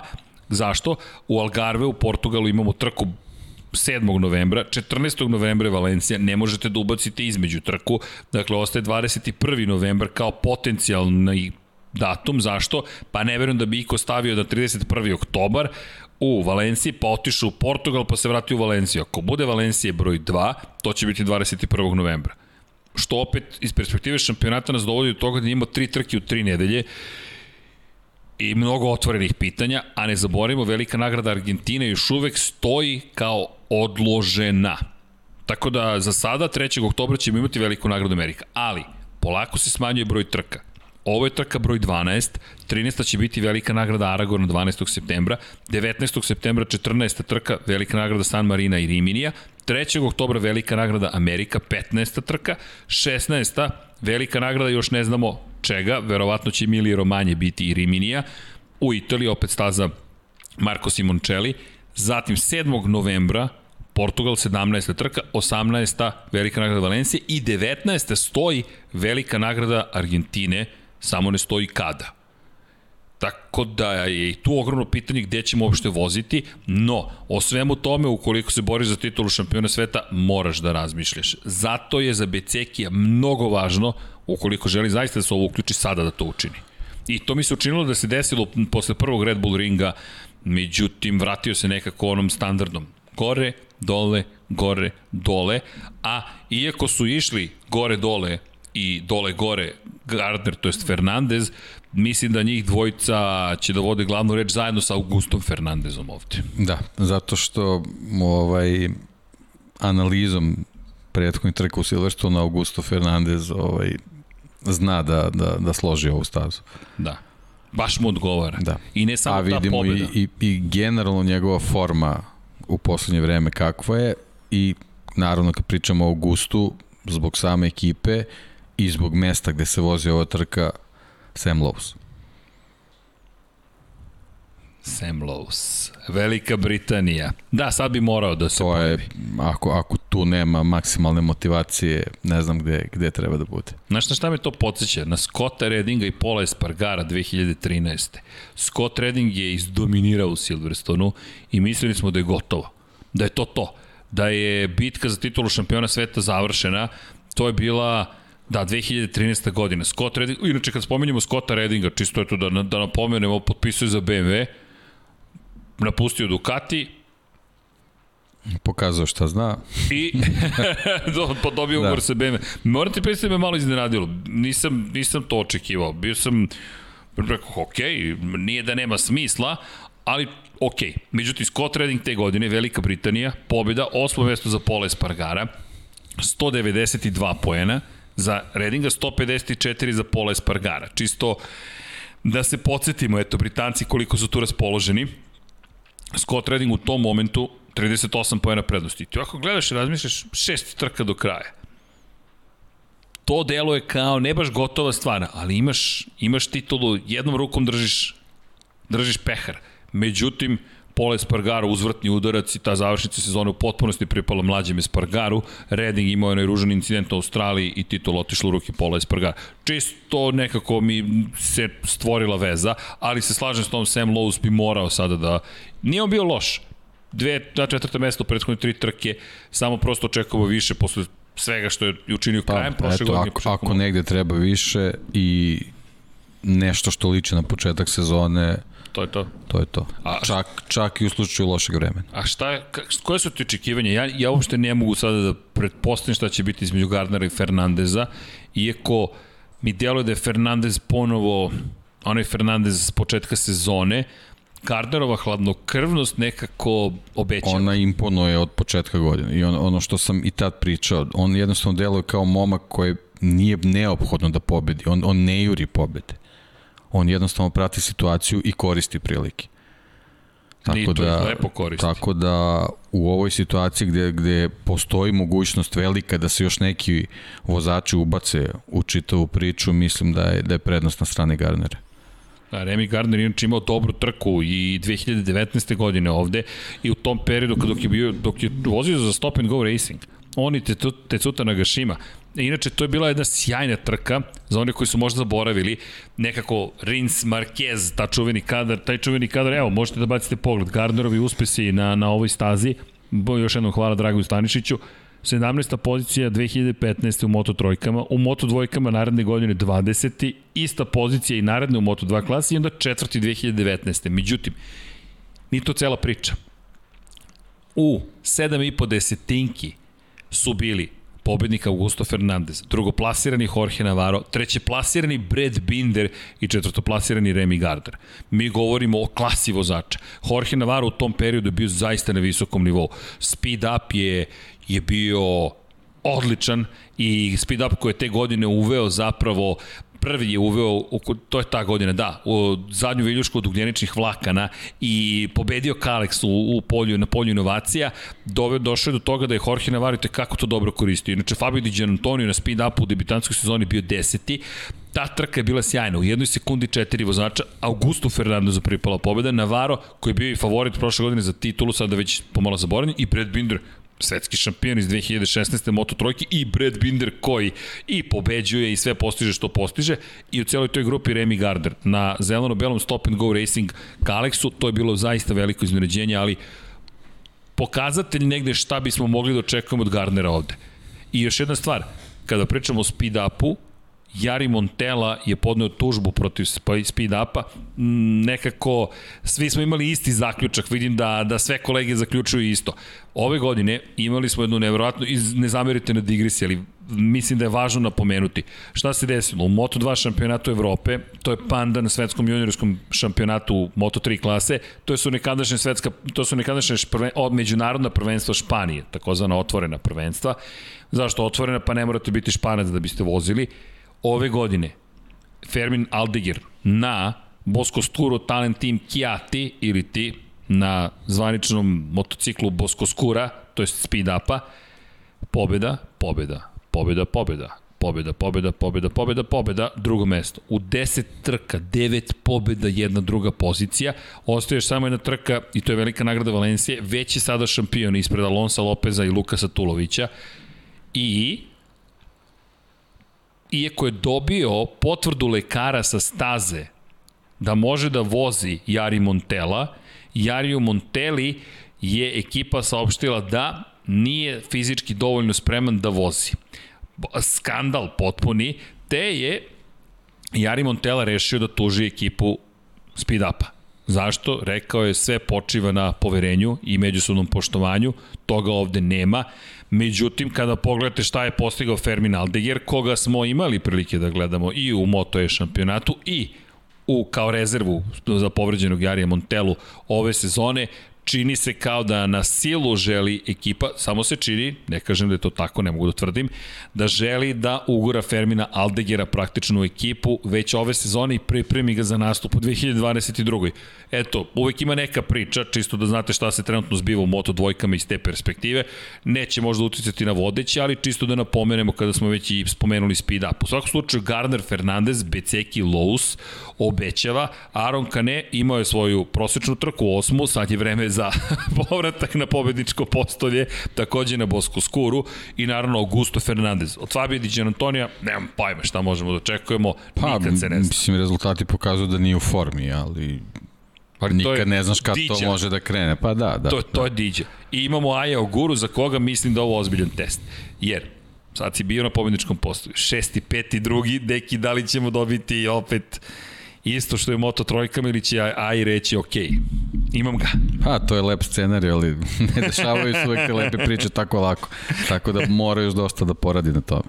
Da, ali, eto. ali činjenica je, gledam sad i plasman, on ima isti broj bodova kao i, i DJ, tako da to je već tu. Raste, da, raste, ra, raste. raste. Menja se ta priča, polako li sigurno... Kane, Augusto Fernandez, on je u toj ekipi. Jeste. A ako pričamo o Augusto Fernandezu kao potencijalnom pobedniku, zašto, zašto i on ne bi bio u toj grupi? Apsolutno nema, nema razloga. Apsolutno nema razloga. I znaš šta, nisam te pitao, da si ti to spomenuo.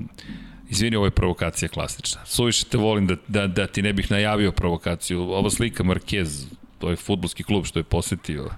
Pa dobro, to su, to su sad neke veze katalonske, tako da verujem da je, da je zbog toga, da. Izvini, bilo jače. Ne, evo sve okej. Okay. za one koji ne znaju, veliki ljubitelj ekipe Liverpoola, zato je ona zastava Liverpoola i, i za gospodina Potkonjaka. Posetio je Manchester City, ukoliko pa sam da. dobro ispratio. Da. Još u Manchester ode čovjek. Pa dobro. Koliko sam shvatio... Guardiola je tamo, tako da to je, to je potpuno razumljivo. Da, tu, ako sam dobro da. ispratio Liverpool, Manchester, tu je jedna ozbiljna... Ne, apsolutno. Ljubav. Sa United, Unitedom, da, City. Da, ovi City ne priznajete. A, ne, ne. te multimilijardeske priče, to, to ne prolazi. Ali da, to isto da napomenem u okviru pred, pred trkačkog vikenda, uvek se sredom nešto dešava i to je lepo videti da su ponovo počeli da vrše tu vrstu promocije Moto Grand Prix pa i drugih sportova, to je tokom COVID ere nekako ukinuto iz bezbednostnih razloga, ali sada polako se i to vraća. Pa mi to nekako lepo bilo videti Marka Markeza i Pa dobro, u Britaniji su generalno ukinuti da, mere, tako? Za sada. Se, da. čekamo septembar pa da vidimo šta će da se dešava i da očekujemo publiku, ono što si rekao, očekujemo, zato su Dixon i Crutchlow takav mamac, još uz Lowsa. Uf. Lows, Lows, to je, Da, to biće je, sjajno. ako, ako ga to ne ponese, ja, ja ne znam šta, kakva druga injekcija može ove godine da, da, da ga vrati na, kao što si rekao, na kraj prošle i na početak ove godine. Pa ne postoji, ja zaista ve- verujem da ne postoji, ukoliko A sada dovoljno, to- dovoljan, dovoljno je veliki kvalitet da, da, da može te stvari da iskoristi, pre svega gledajući rezultate njegovog timskog kolegi u poslednjih nekoliko trka. Znači, sve, svi preduslovi su tu da, da se vrati tamo gde treba da bude, a to nama samo donosi zanimljiviju trku. Tako da, Navijam glupo je, da da, pojavi. glupo je ne, ne, ne navijati da, da, da to, takva inspiracija se pojavi kod tog profila vozača. Jer njegova inspiracija nama donosi spektakularnu trku i tu ne, nema šta da, da, da se priča više o tome. Što nas dovodi do favorita za pobedu u Moto3 klasi Johna McPhee. Vreme je. Vreme je za tu inspiraciju. Jel ta zelena majica zbog McPhee i Petronasa? 100%. 100%. Ali vidi, Bilo bi lepo. Da ga vidimo na pobedničkom postolju. Mislim da je potrebno Johnu McPhee. Čovjek je trenutno 13. Gledao sam koji je najbolji Britanac trenutno. Da li mi veruješ, nisam mogao odmah da se setim uopšte koji je Britanac uspešan ili da li uopšte neki Britanac u Moto3 klasi. Ovako gledam tabelu GBR, Great Britain, John McPhee. Koliko je daleko, ali opet, to je da, John McPhee. Mnogo, mnogo bolje treba da bude, ali uz malo nedostatka sreće, uz malo njegove neke ne, nekih njegovih netipičnih reakcija, tu je gde jeste, nažalost, ali ovaj, eto, ista je priča. Ista priča. Motivacija. Da. Ako, ovo mora, ako nešto mora da ga motiviše, to mora da bude ova situacija. On je u Petronasu, Dixon je na njegovom mestu. John McPhee je trebalo da bude tu gde je danas Jake Dixon. Po uspesima iz prve polovine prošle godine, McPhee je trebalo da skoči u Moto2 klasu i da povuče sa sobom britansku publiku u Moto2-kama. To se nije dogodilo. Zadržali su Dixona, koji je sada skočio u Moto Grand Prix. Šta ti je pitanje sreće, biti da. na pravom mestu i to da. u pravo vreme. Dixon koji je bio pod pit, znakom pitanja, da li će i još imao problematične odnose sa Petronasom u prvoj polovini ove sezone, eno ga sada u Moto Grand Prix klasi. Što za Johna McPhee opet može biti i te kako ozbiljna motivacija. Možda bude motivacija, možda bude kontraproduktivno, ovaj, ali eto, ja, ja bih volao da, da, da to sve ide na, na neku pozitivnu stranu. Što se tiče same trke, ne znam, nešto sam, razmišljao sam, ovaj, staza je dovoljno zahtevna i komplikovana, mislim da ovde nećemo imati one ekstra duge voziće. Kao da, što, čak ni uz... kao što smo imali na, na nekim stazama, tako da možemo da očekujemo neke dobre duele. Htio reći, čak ni uz DRS. Da. Nemate DRS Nema, ovde, ali da, kao da ga imate. Da, da. Izlazak, da. zaista izlazak iz čepela kao da ste na D, u DRS-u, toliko su brzi izlasci. Ali da, slažem se, mislim da će ovo biti zaista izazovna staza i ozbiljan test za Pedra Kostu. Zašto? Ovo nije staza kojim je tako lako vladati i ovo i dalje njegova debitanska sezona vodi u šampionatu sveta. 196 pojena ima, 41 poen, velika prednost odnosno na Serhija Garcia. Garcia u poslednjih, evo, tri trke, drugi, drugi pobjeda, u pet trka pobjeda, sedmi, drugi, drugi pobjeda. Ako odemo na poslednjih sedam trka, pobjeda, deveti pobjeda, sedmi, drugi, drugi pobjeda. U tom istom periodu, osmi, osmi, sedmi pobjeda, četvrti pobjeda, četvrti Pedro Acosta. I Pedro Acosta je uhvatio voz, u smislu Nemačka, Holandija, Štajerska, Austrija i taj nastavak sada biće veoma značajan u Velikoj Britaniji. Aragon poznaje Pedro Acosta, to je staza na koji je bio, tako da tamo možemo da očekamo ponovo da se bori za pobjede. Ali Velika Britanija, ovako je veliki znak pitanja. Šta ovde i ono što si rekao, tehnički vrlo zahtevna staza, mislim da ovo velika prilika za Serhija Garcia. Čak i ukoliko Acosta bude tu, mislim da Garcia ovo mora da iskoristi. Iskustvo koje posjeduje Tako da je. sada počne da pretvara u kritičnu prednost u odnosu na Pedra Acosta pa, i smanjuje Zahvaljujući Garcia dobili smo tu neku malo normalniju konstelaciju u, u ovaj šampionatu i ono što si rekao, jednostavno forma Garcina i iskustvo na, na, na stazi ovaj, sve stavlja na njegovu stranu, ali jednostavno Pedro Costa dokazuje da je super talent i to je nešto što što je opet na, na, na njegove vagi, to jest na, na, na, na njegovom tasu ovaj donosi ne, neki, neku dodatnu težinu, tako da ovaj očekujem ponovo, ponovo zanimljivu borbu i možda nešto slično kao prvi uh, Red Bull ring i neko njihovo odvajanje, možda ne toliko drastično kao što je bilo tamo, ali, ali verujem da će Acosta imati mogućnost da, da drži priključak sa Garcijom ako se Garcia odluči na tu vrstu taktike da, da pobegne ostali. Da, i samo da napomenemo, ovo je neko naše viđenje stvari zahvaljujući stvarima koje smo primetili ove godine. Sam Silverstone, bilo je to trka, pa i ta poslednja koja je održana pre dve godine. U dve sekunde ste imali 11 vozača na kraju trke. Nije nemoguće da se stvori vozić, ali deluje da uz ovu potrebu Garcije da, da ne dozvoli sebi da bude u grupi, da će to zapravo prouz... ja, ja tipujem na Garciju da će raditi ovo što si rekao. Da će Garcia biti taj koji će reći ne, sada moramo da slomimo otpor i da pobegnemo. I njemu je to neophodno prosto, jer ukoliko se nađete opet u grupi gde imate 11 vozača, to je pakao.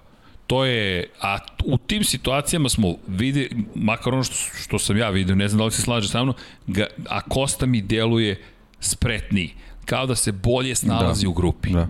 I... Dobro, imao je, imao je i on dve, tri situacije iz kojih naravno uči, jel, tek, tek je stigao tu ovaj, da, da nekako, iako tokom trke primeti ovaj šta je dobra taktika za finiš, desi se da da se nađe na pogrešnoj strani ili ili na pogrešnoj poziciji u smislu da je da je u vođstvu a a, a treba, treba ipak biti u tom trenutku negde iza, desi se da, da ne reši dobru situaciju, ali kao što si rekao, ipak je u, u više slučajeva mnogo bolje rešavao tu situaciju. Ja mislim da je, da je vrlo konzervativan u kontekstu duela, da razmišljajte kako o šampionatu sveta, da, da. se time bavi zapravo i da stalno ponavlja sebi u glavi, ok, ne, ne, treba da, ne moram da padnem, ne smem da padnem. Ne, jednostavno, jednostavno idem na konstantnost, a dovoljno sam brz. Jednostavno imao je sreće u raspletu 80% trka ove sezone i to se vidi u, u generalnom plasmanu, ali ovaj ova staza kažem prilično je zahtevna, on nema nema iskustva s njom, tako da sve će biti učenje do same trke. I tu se u stvari ogleda i taj njegov potencijal. On do, do trke uđe ovaj, u, u dobar ritam, je sad jedino što se desi, a desilo se ove godine, kvalifikacije budu, budu sporne na ovaj ili onaj način i onda mora da, da kreće u trku sa neke niže pozicije, što koliko god da je spektakularno i zabavno, ovaj, ipak na, na kraju može da ostavi posledicu u konačnom plasmanu. Uh. Jedva čekam, moram da ti priznam. Jedva čekam da ponovo izađemo negde na stazu u Silverstone, u Moto Grand Prix kategoriji, u Moto dvojkama, trojkama i držim palče da ćemo dobiti trku, naravno, pošto... Da, i, ali dobro, mislim sad ajde, ovaj, jako je zanimljiv duel za, za, za šampionat Garcia i, i ovaj, ako ostalo stvarno druge vozače, tu isto ne, ne, ne trebamo da, da zaboravimo, jer su pokazali u, u poslednjih nekoliko trka koliko su brzi sad opet teško je porediti Silverstone sa Red Bull ringom, naravno potpuno drugačiji profili staza, ovaj, Silverstone legendarna staza ne, nekog starog tipa, starog profila, sa druge strane imali smo Mickey Mouse kakav je Red Bull ring, ovaj, ali, ali ja verujem da, da i na, na, na Silverstone možemo da, da vidimo a, dobre vozače koje viđamo i tokom sezone na određenim stazama da, da, su, da su brzi kao što ne znam, kao što je Masija, kao što je Binder, mislim, jednostavno njih ne smemo da, da zaboravimo u toj priči da i oni mogu da budu ovaj dobri začini, to je neko i interesantno. Pa i Denis Fođe. I Denis Fođe, naravno. Denis da, Fođe. Izvinjavam se, da, da, ni slučajno, koji imao, njega zaboravimo, da. Koji čovek rekao da napušta ekipu, voziće za Leopard Racing do kraja da. sezone, ali... Kako da zaboravimo Fenatije? Romana, Romano Fenati, nikak, pogotovo na ovoj stazi. Nikak, nikak. I, I da li ćemo da. dobiti možda povratak nekih ljudi koje smo već počeli da zaboravljamo. Konkretno, Ovde će iskustvo dosta igrati ulogu. Tatsuki tako da. Suzuki. Da, da. Meni Tatsuki Suzuki da. Nemam nikakav argument za Tatsuki Suzuki. Ne postoji. Ako pogledamo formu, ako pogledamo sve što učinio ove sezone, ništa mi ne govori prvog tome da očekujem mnogo Tatsuki Suzuki, ali zaista mislim da je imao veliki peh u kvalifikacijama konkretno i kao dobro startu poziciju, nekako kao da nije opet bio njegov vikend. Nešto mi govori da bismo mogli imati možda i najbolji nastup Tatsuki Suzuki-a, to je vrlo, kažem, iracionalno potpunosti na neki osjećaj, nešto u stomahu mi govori Tatsuki Suzuki, ali nikog ne možemo da isključimo, pogotovo ne u Moto trojkama. Ko zna, možda Gabriel Rodrigo najzad uradi nešto. Da, ali dobro, ono, specijalista za kvalifikacije, definitivno, kad spominjemo to njega, moramo spominjemo Alkobu, Da, Jeremy Alcon, da, da, ok. Da ima sad tako krenemo. Najproblematičnija da, ekipa u da, celom da, šampionatu, da, sve da. tri kategorije. Zašto ne mali Onđu ponovo? E da, Onđu. Zašto Mislim, dobro, kaž, ali kažem, Red Bull Ring je bio specifična staza, bila u tom smislu, ovde sad stvarno moraš da pokažeš to sve zašto te, zašto test. te ljudi drže, da, znači ako, ako si talent, ako si brz, gde ćeš to da pokažeš ako ne na Silverstonu, tako da vidjet ćemo, vidjet ćemo, ali opet ono što pričamo, jako, jako... Putu nepoznat. Da, i, ali mnogo, mnogo toga zavisi od tih vremenskih uslova, tako da, da vidjet ćemo, nadam se ovaj, da, da, da ćemo imati suve trke, to je da bismo imali te, te spektakle. A to je ono što je bitno. Šta smo mi imali pre, pre 10 dana?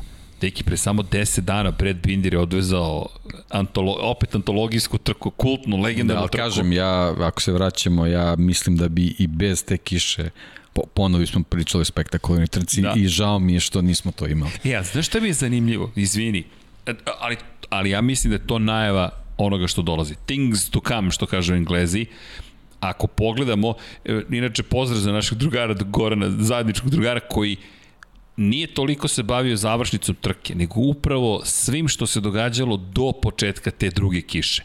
I šta su ti ljudi radili? To će ostati zaboravljeno srećom, tu si ti da podsjetiš, a jeste, Stalno ću jeste, ali da. to je, to je ono prava stvar, deki, to je, me, ti znaš koliko ja tebe volim, ali to kad izvučeš prosto klasa iz rukava i vratiš nas tamo gde treba, ta trka i do tog trenutka šta smo mi zapravo gledali – kakve duele između, što Fabio Quartarara na Yamahi, Francesca Banjaje koji je vodio na Ducatiju, Marka Markeza na Hondi, Jorgea Martina na drugom Ducatiju, to ti budućnost Moto Grand Prix. Budućnost Moto Grand Prix. Odlaskom u penziju Valentino Rosija, Mark Marquez ide na poziciju broj 1 po pitanju uspeha i zvezdane prašine. On je taj koji sada mora da bude zvezda broj 1 Moto Grand Prix na igrici sada, kada pogledaš ko se pojavlja. Evo, igrica izrasla, 21. godina, Markezi u sredini, desno je svetski šampion, levo je neko ko će možda postati svetski šampion. Honda, Suzuki, Yamaha. Dakle, imamo Kvartarara, Markeza Dva svetska i jednog potencijalnog šampiona. Tako je. I to su ljudi koji treba da nose. Markezi već tu. Rossi prosto rezultatima ne doprinosi tome. Ne sumnjam da ćemo imati special editions. Da, inače igrica je počela tako se zvala Valentino Rossi, čini mi se, tako je bilo? Ne, ne tako, nije ali počela, nešto, ali... ali je izdanje iz 2016. se zvalo Rossi. To, da. To je haos bio. Ne, 2015, da, 2016 ili 15, ne mogu da se setim. 2015. smo bili u Barceloni, 2015. smo bili u Barceloni i znam da su tada prezentovali igricu, da je padala kiša i da smo mi snimali Rosija kako igra igricu koja se zove Rossi. To je 2000, 2015. 2015. 16. Ipak sam bio na početku pravo. A, vidiš, glava ipak, ipak nije, nije toliko loša. Ali taj naziv, da, tako je, zato što je to bilo posle Lorencove titule i šampion sveta Lorenzo koji je rekao Yamaha neće da slavi moju titulu, Dorna to jest u tom momentu milestone koji dan danas izdaje igricu pravi igricu koja se zove Rossi, ne MotoGP 2016, nego Rossi, a on je svoju titulu i to je bio moment, ne, ne, ne, ne, ne, ja odoh u Ducati, ne, ne poštujete me dovoljno, ali takva je bila i reakcija vozača da na kraju su odustali toga da imaju izdanja bilo čija. MotoGP godina i tu je kraj cele priče, pri čemu, nemojte, po... inače, industrija, gaming industrija je toliko veća od muzičke, od uh, televizijske. Znam da smo se smejali, posmatrali smo, te mislim si baš ti pokazivao vertikale, ko šta gde kako. Gaming industrija, ćao, to je stratosfera i sve onda ostalo ide. Tako da ovo, ovo nije šala I, I nije šala kada oni izaberu ovaj, tako je. Na, uh, glavne junake na naslovnoj strani. Tako je. Da. Toliko... Jer kao što vidimo na, na Formuli 1, otprilike to ta neka konstelacija. Hamilton, da. Verstappen, da. Leclerc. I pazi sad taj trend. Zašto Leclerc? Ferrari mora da bude tu. Mora da bude Ferrari tu, naravno. I dvojica koji se bore za titul. A znaš šta je zanimljivo? To je novi trend. Ne biraš više samo jednog. U NFL Medenu 2021 imaš izdanje na kojem su Tom Brady i Patrick Mahomes.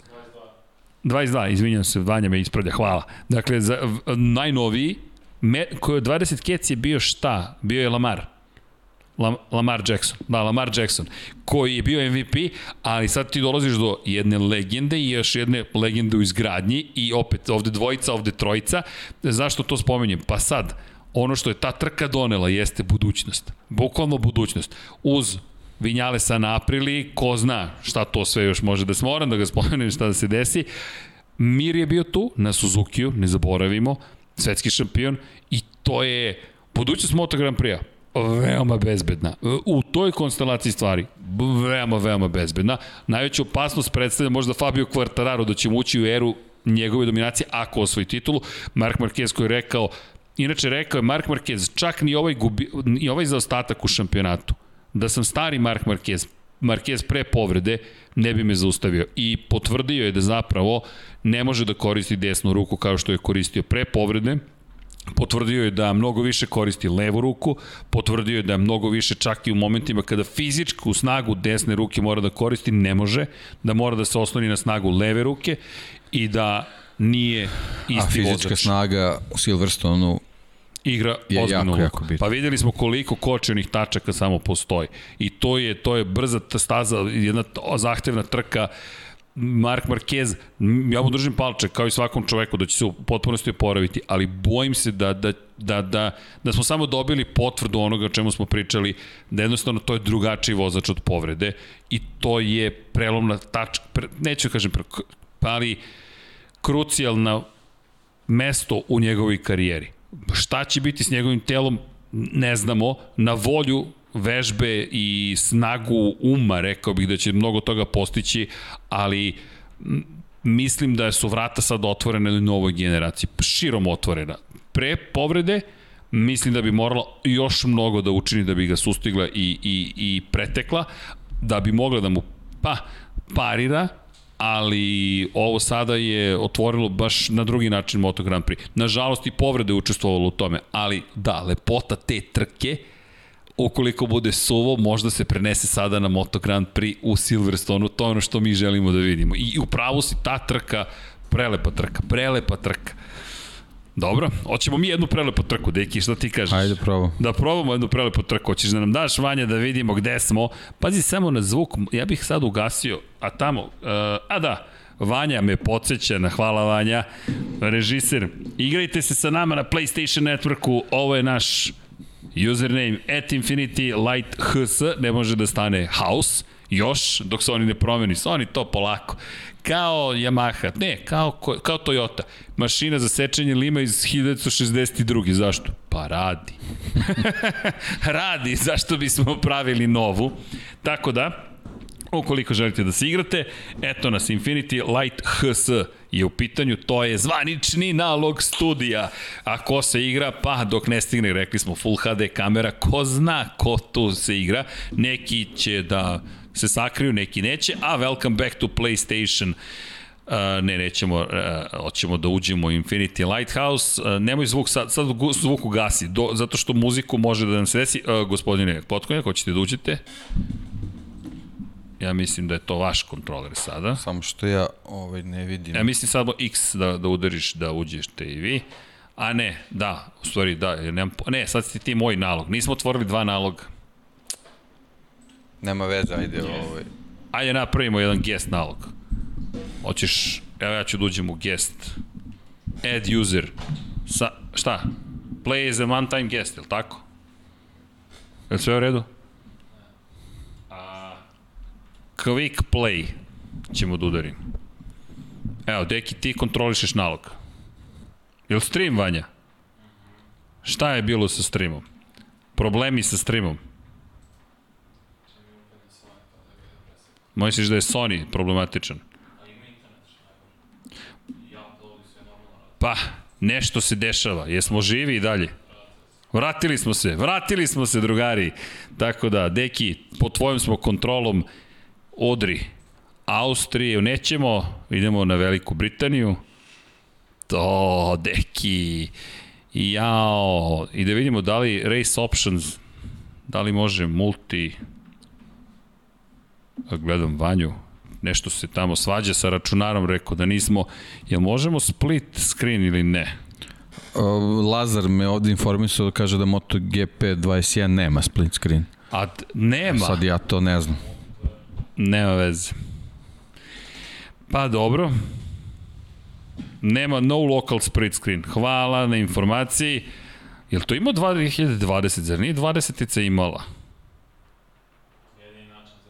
Ne, nije, nije. Da, to je isto. Gde bih to mogao da pronaći? Ništa. Samo isključi vanje zbog muzike. Dok ne uđemo na stazu. Isključi samo zvuk, molim te. Pošto će nas YouTube banovati u suprotnom. Ne samo da koristimo muziku. Ili deki posle da ugasi muziku u meniju. A, s kim ćete da vozite, dragi kolega? Pa ovako bih ostavio, ovo je Okay. okej. O, John Mir, okej. Hoćemo to to? time trial, to je to. Jel vi vidite dovoljno? Ne vidim ništa, ali bit će okej. Na drugom ekranu možda. Ne, daleko mi je to. Ovde ću na intuiciju. Jel trebam još nešto da pritisnem? E, to ja to. mislim da je to to. Samo ako možeš ugasi muziku. I poštovani gledalci, dobrodošli u prvi prenos Time Triala MotoGP 2021 igrice. Gospodin Dejan Potkonjak za upravljačem fabričkog Suzuki-a sa šampionskim brojem 33. Vanja, sad može zvuk. Sad može zvuk. Mislim da će Dekiju biti potreban zvuk. To... Ovo je autopilot još uvek, ali polako li sigurno krećemo. Nije autopilot sigurno. Više nije autopilot. Nije 100%. Ovo je deki pilot, Nije 100%, ali niste, da. da. nećemo se proslaviti, odmah da vam kažemo. Mnogo je teško skretanje, to odmah da vam kažem. Ovo- Pokušali ovo je smo, baš, ali baš da. heavy bilo. Vanja, može još malkice zvuk. Mislim da će... Uh, uh, uh. To, to, to, to. I krećemo, polako ali sigurno da vidimo. Idealna putanja ovo plavo. Teško, teško, teško. Kops, prva krivina. Uf, Bolno je ovo bilo. ovo je baš bolno. Ho- Hoćeš biti... Pazi, meni je bilo lakše juče, za one Ja ne znam da ću pratili. sastavim krug, ljudi. Da, ja sam juče uspeo spada odvezem nekako. Evo ga, Megoc, Bekic, Čepel, ne, ovim putem tu dobijete kaznu dugog kruga odmah. Ali, ali, dobro, Deki je... I, ljudi, Bolje da sam juče F1 vozio. prvi put, da, moram ti priznati da jeste. Da, Inače, ovo je mnogo teško stvar. Deki je vrlo ozbiljni. A, dva- 2021 smo upalili prvi put danas. I 2019 ok, 2020 ok, 2021... Ovo će da zabeležite pa ćemo da imamo sledeće nedelje koliko je napred. Jel hoćeš? Ovo je baš heavy, da. Sigurno ima neka caka koju ja ne znam. Vidi. X ti je zadnja kočnica, da znaš. L2. E, moguće, moguće da je to. XXX, moraš X da držiš, to smo malo preustanovili. Pa što mi sad te kažeš? Izvini, zaboravio sam. Pustio si me da se izblamiram i onda kao okej. Ja ne Ovo znam, čim, ne znam čim kočim uopšte. Možete lepo da izanalizirate ove ulaze u pit lane i Silverstone, ne, koči, koči, koči, neki, oj, oj, oj. Ma, šljunak je moj. Inače, ovde je Mark Marquez izleteo pored Kala Kračlova pre, da li dve ili četiri godine? Ne, ne, pre tri godine. Ne, ne, ne, ne, ne, nije. To je još ranije bilo, Ali uopšte ide na dobru 2013 stranu. možda. Ne, Ne, ne ideš. Dobro, Vidim da nešto nije u redu. nije to taj Vidim da nije Silverstone. poznata staza nešto. Da. E, jao, majko. A, ovo je, ovo je zabavno. Jao, sramot. Dobro, Dobro, navuko si me, ali okej, okej, okej, okej. evo, evo, ja ću voziti, ništa ne brinite, dragi kolega.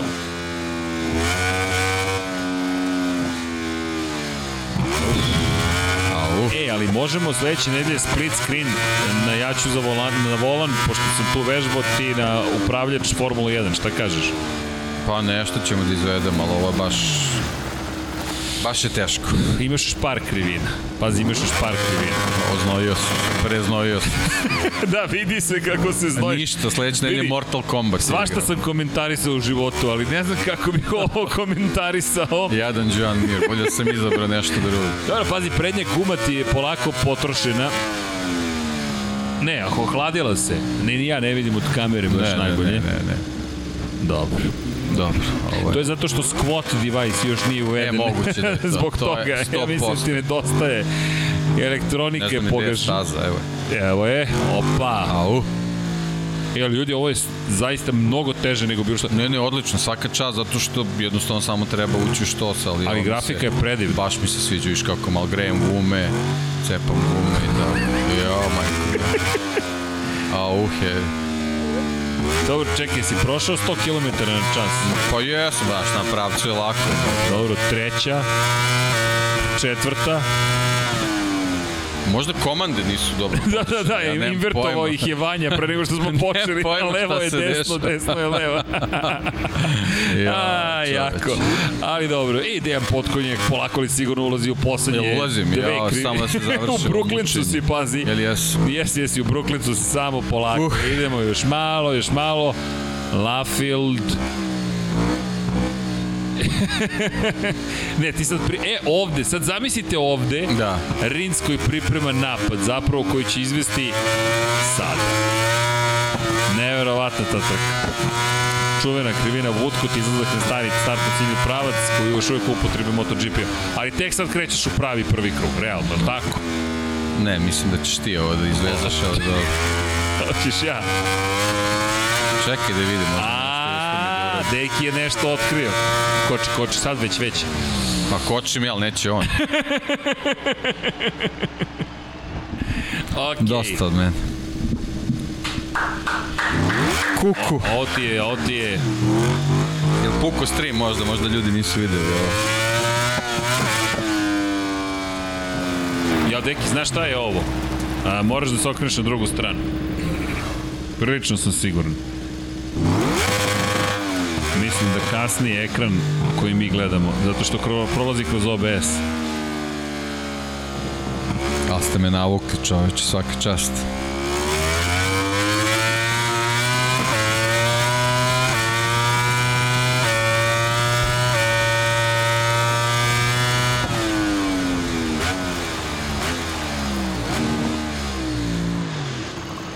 Uh, za malo da skrenem.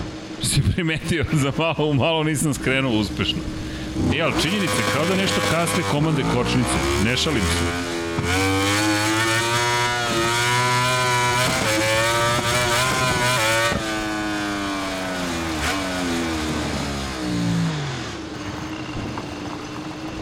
Ništa. Ovde kasni par sekundi na ovom ekranu gde sam ja vozio. Sram vas bilo. Jel kasni? Sram vas bilo. Vanja, uspeli smo.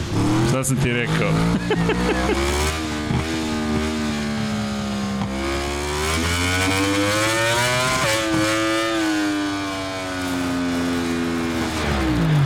Ne, ne, kasni komande, ne, ne, nemoguće ovo igrati.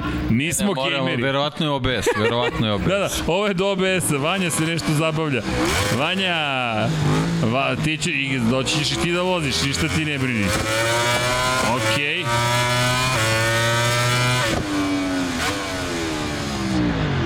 Ko je, šta se događa sa kočnicama? Ne, ne, pa znamo mi da je L2, ali kao da ne radi, veruj mi. Okej, ovo sam uspešno izveo. Pao sam s motora, ali pritisao sam zadnju kočnicu.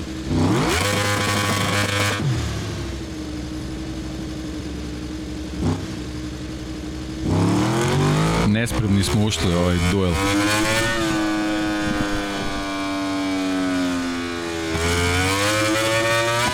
Ma ne, čekaj. čekaj. ne, ozbiljno ti kažem, ne, ne. Nešto ovde mi je sumnjivo. Čekaj. Sad ćete vi da vidite. Back to game.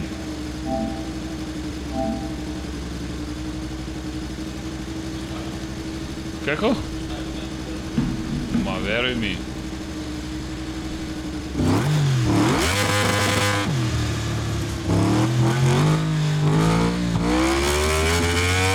Gasom da li slika uopšte prati šta radiš. Ne, deki, ovo kao da se neko igra sa nama. Ja, ja se ne šalim. Znači, gas sam pust... Pazi ovo. Pu, pu, sad ću da pustim gas. I sad će da se čuje zvuk, pazi. Okej, mislim da ovde ima još posla da... Da, da, ništa. Nešto nismo uradili kako treba. da. Dovoljno smo se izblamirali za sad, ovaj, Okej, to bi bilo to. Sledeći radi gas. da, još radi gas. To je zato što je to PlayStation 5, da je 4 sve bi bilo u redu. Ali dobro. Okej, nećemo se više Dobro. baviti gamingom. daj neki first person shooter, nešto, nešto malo zbiljnije od ovoga.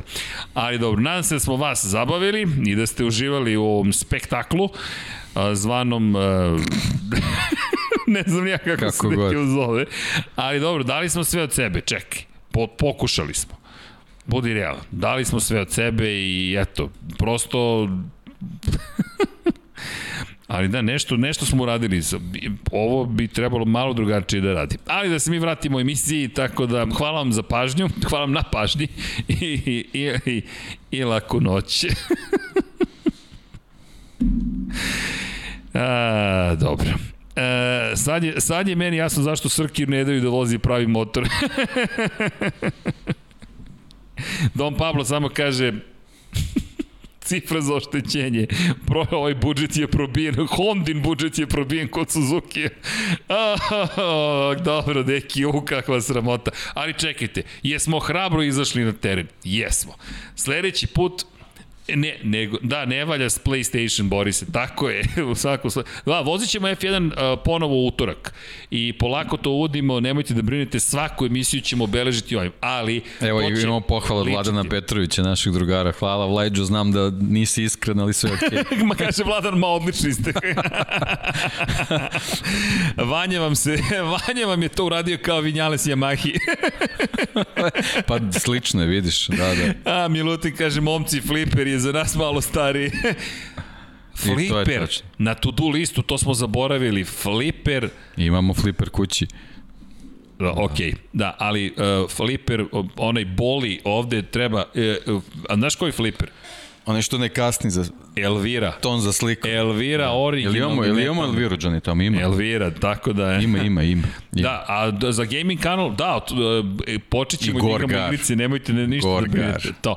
I inače, e, po tom pitanju, to ćemo od sada da uđemo, GT će da se testira, šta ćemo još da testiramo? Hoćemo još nešto da pa, testiramo? Morat ćemo sve, pa smo se večeras izblamirali. Prvo testiranje, pa onda vožnje. Da, ali ja sve to Korsa prvo da se uvežba ozbiljno, deki, pa tek onda ćemo... sam da neću da vozim dok ne probam. Dobro, Nema ali vidi, povuklo okay. nas je, te povuklo. Sve ok. Pa tako da, e, kako? Hmm? Pro, probao da, si, da, a, Vanja o, kaže probao si pre da. snimanja. hvala ti Vanja. A, va, da. da, kaže možda da ipak krenete sa Moto3. ne, ne, vjerujem, da, ne vjerujem da je bilo razlike ikakve.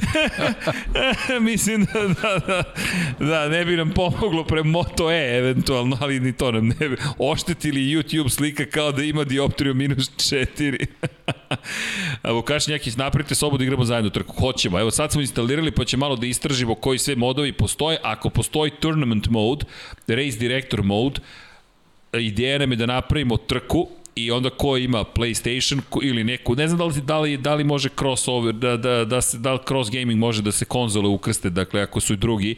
Ako može, napravimo race director, napravimo trku i onda vozimo zvanične Lab 76 trke pred svaku trku, na primjer u Silverstonu. Ovde je mladi gospodin nas napušta. Pozdrave ekipi iza kulisa, tako da znate. E, srđane, ako pamtiš kad sam te pre, predvidio da vozimo... Mo... ali da, pa eto, stiglo je Alex i Mazne X.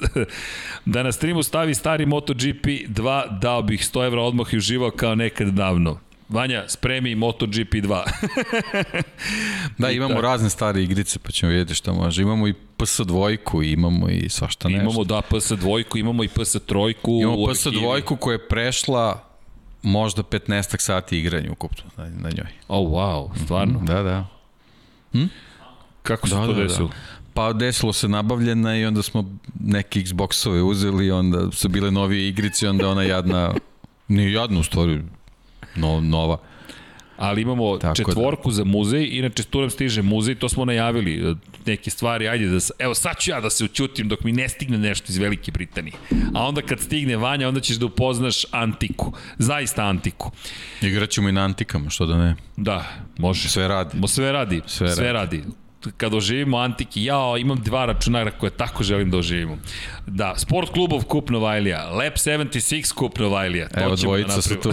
dvojica Novajlija su vremešteno. Ali, Krećemo od početka. A čekaj, kategorija 40+. Plus. ne moramo to da uvedemo, da, da.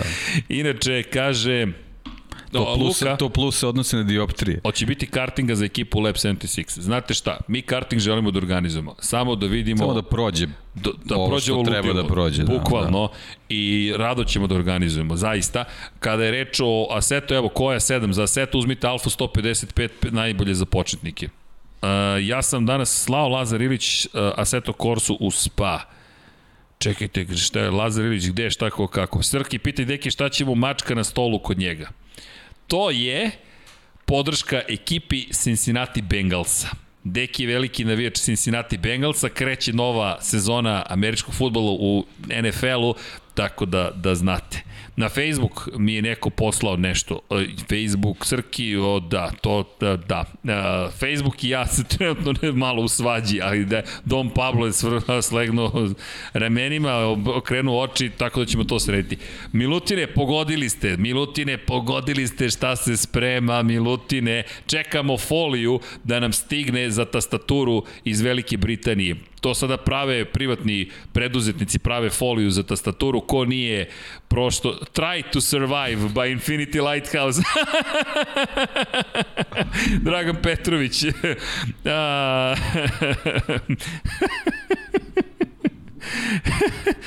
ok, try to survive. ok, to ćemo da uvedemo. Ali da, za Spektrum čekamo foliju. Ko nije otvarao Spektrum, ZX Spectrum koji ima 48 kB ne zna šta je zabava. Otvorite i onda vidite da je folija zapravo to što gumenim dugmićima pritiskate i tu se zatvara električno kolo i šalje signal na matičnu ploču. 16 kB ROMA ili ti read only memory i 32 kB random access memory, što će reći 32 kB da napravite igricu. I kaže malo više kilograma imate za Moto3. Sram vas bilo Branislave. Malo, mnogo više kilograma imamo, ali hvala Branislave, šalu na stranu. E, da li će SK4K biti za F1? Trebalo bi da bude, ali da znate, F, e, Formula 1 pro, e, produkciju vrši u 4K samo za kvalifikacije i za trku.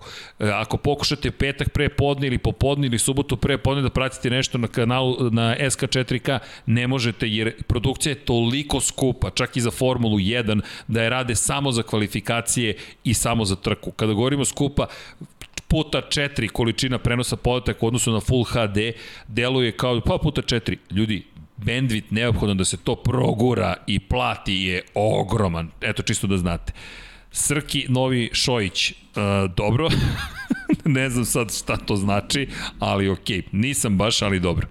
Ognjen Radivojević, pozdrav Ognjen, nadam se to nešto pozitivno. Kad pukne stream YouTube, smanjite kvalitet, smanjite kvalitet automatski, pa moraš sam rešiti, eto, to je, da.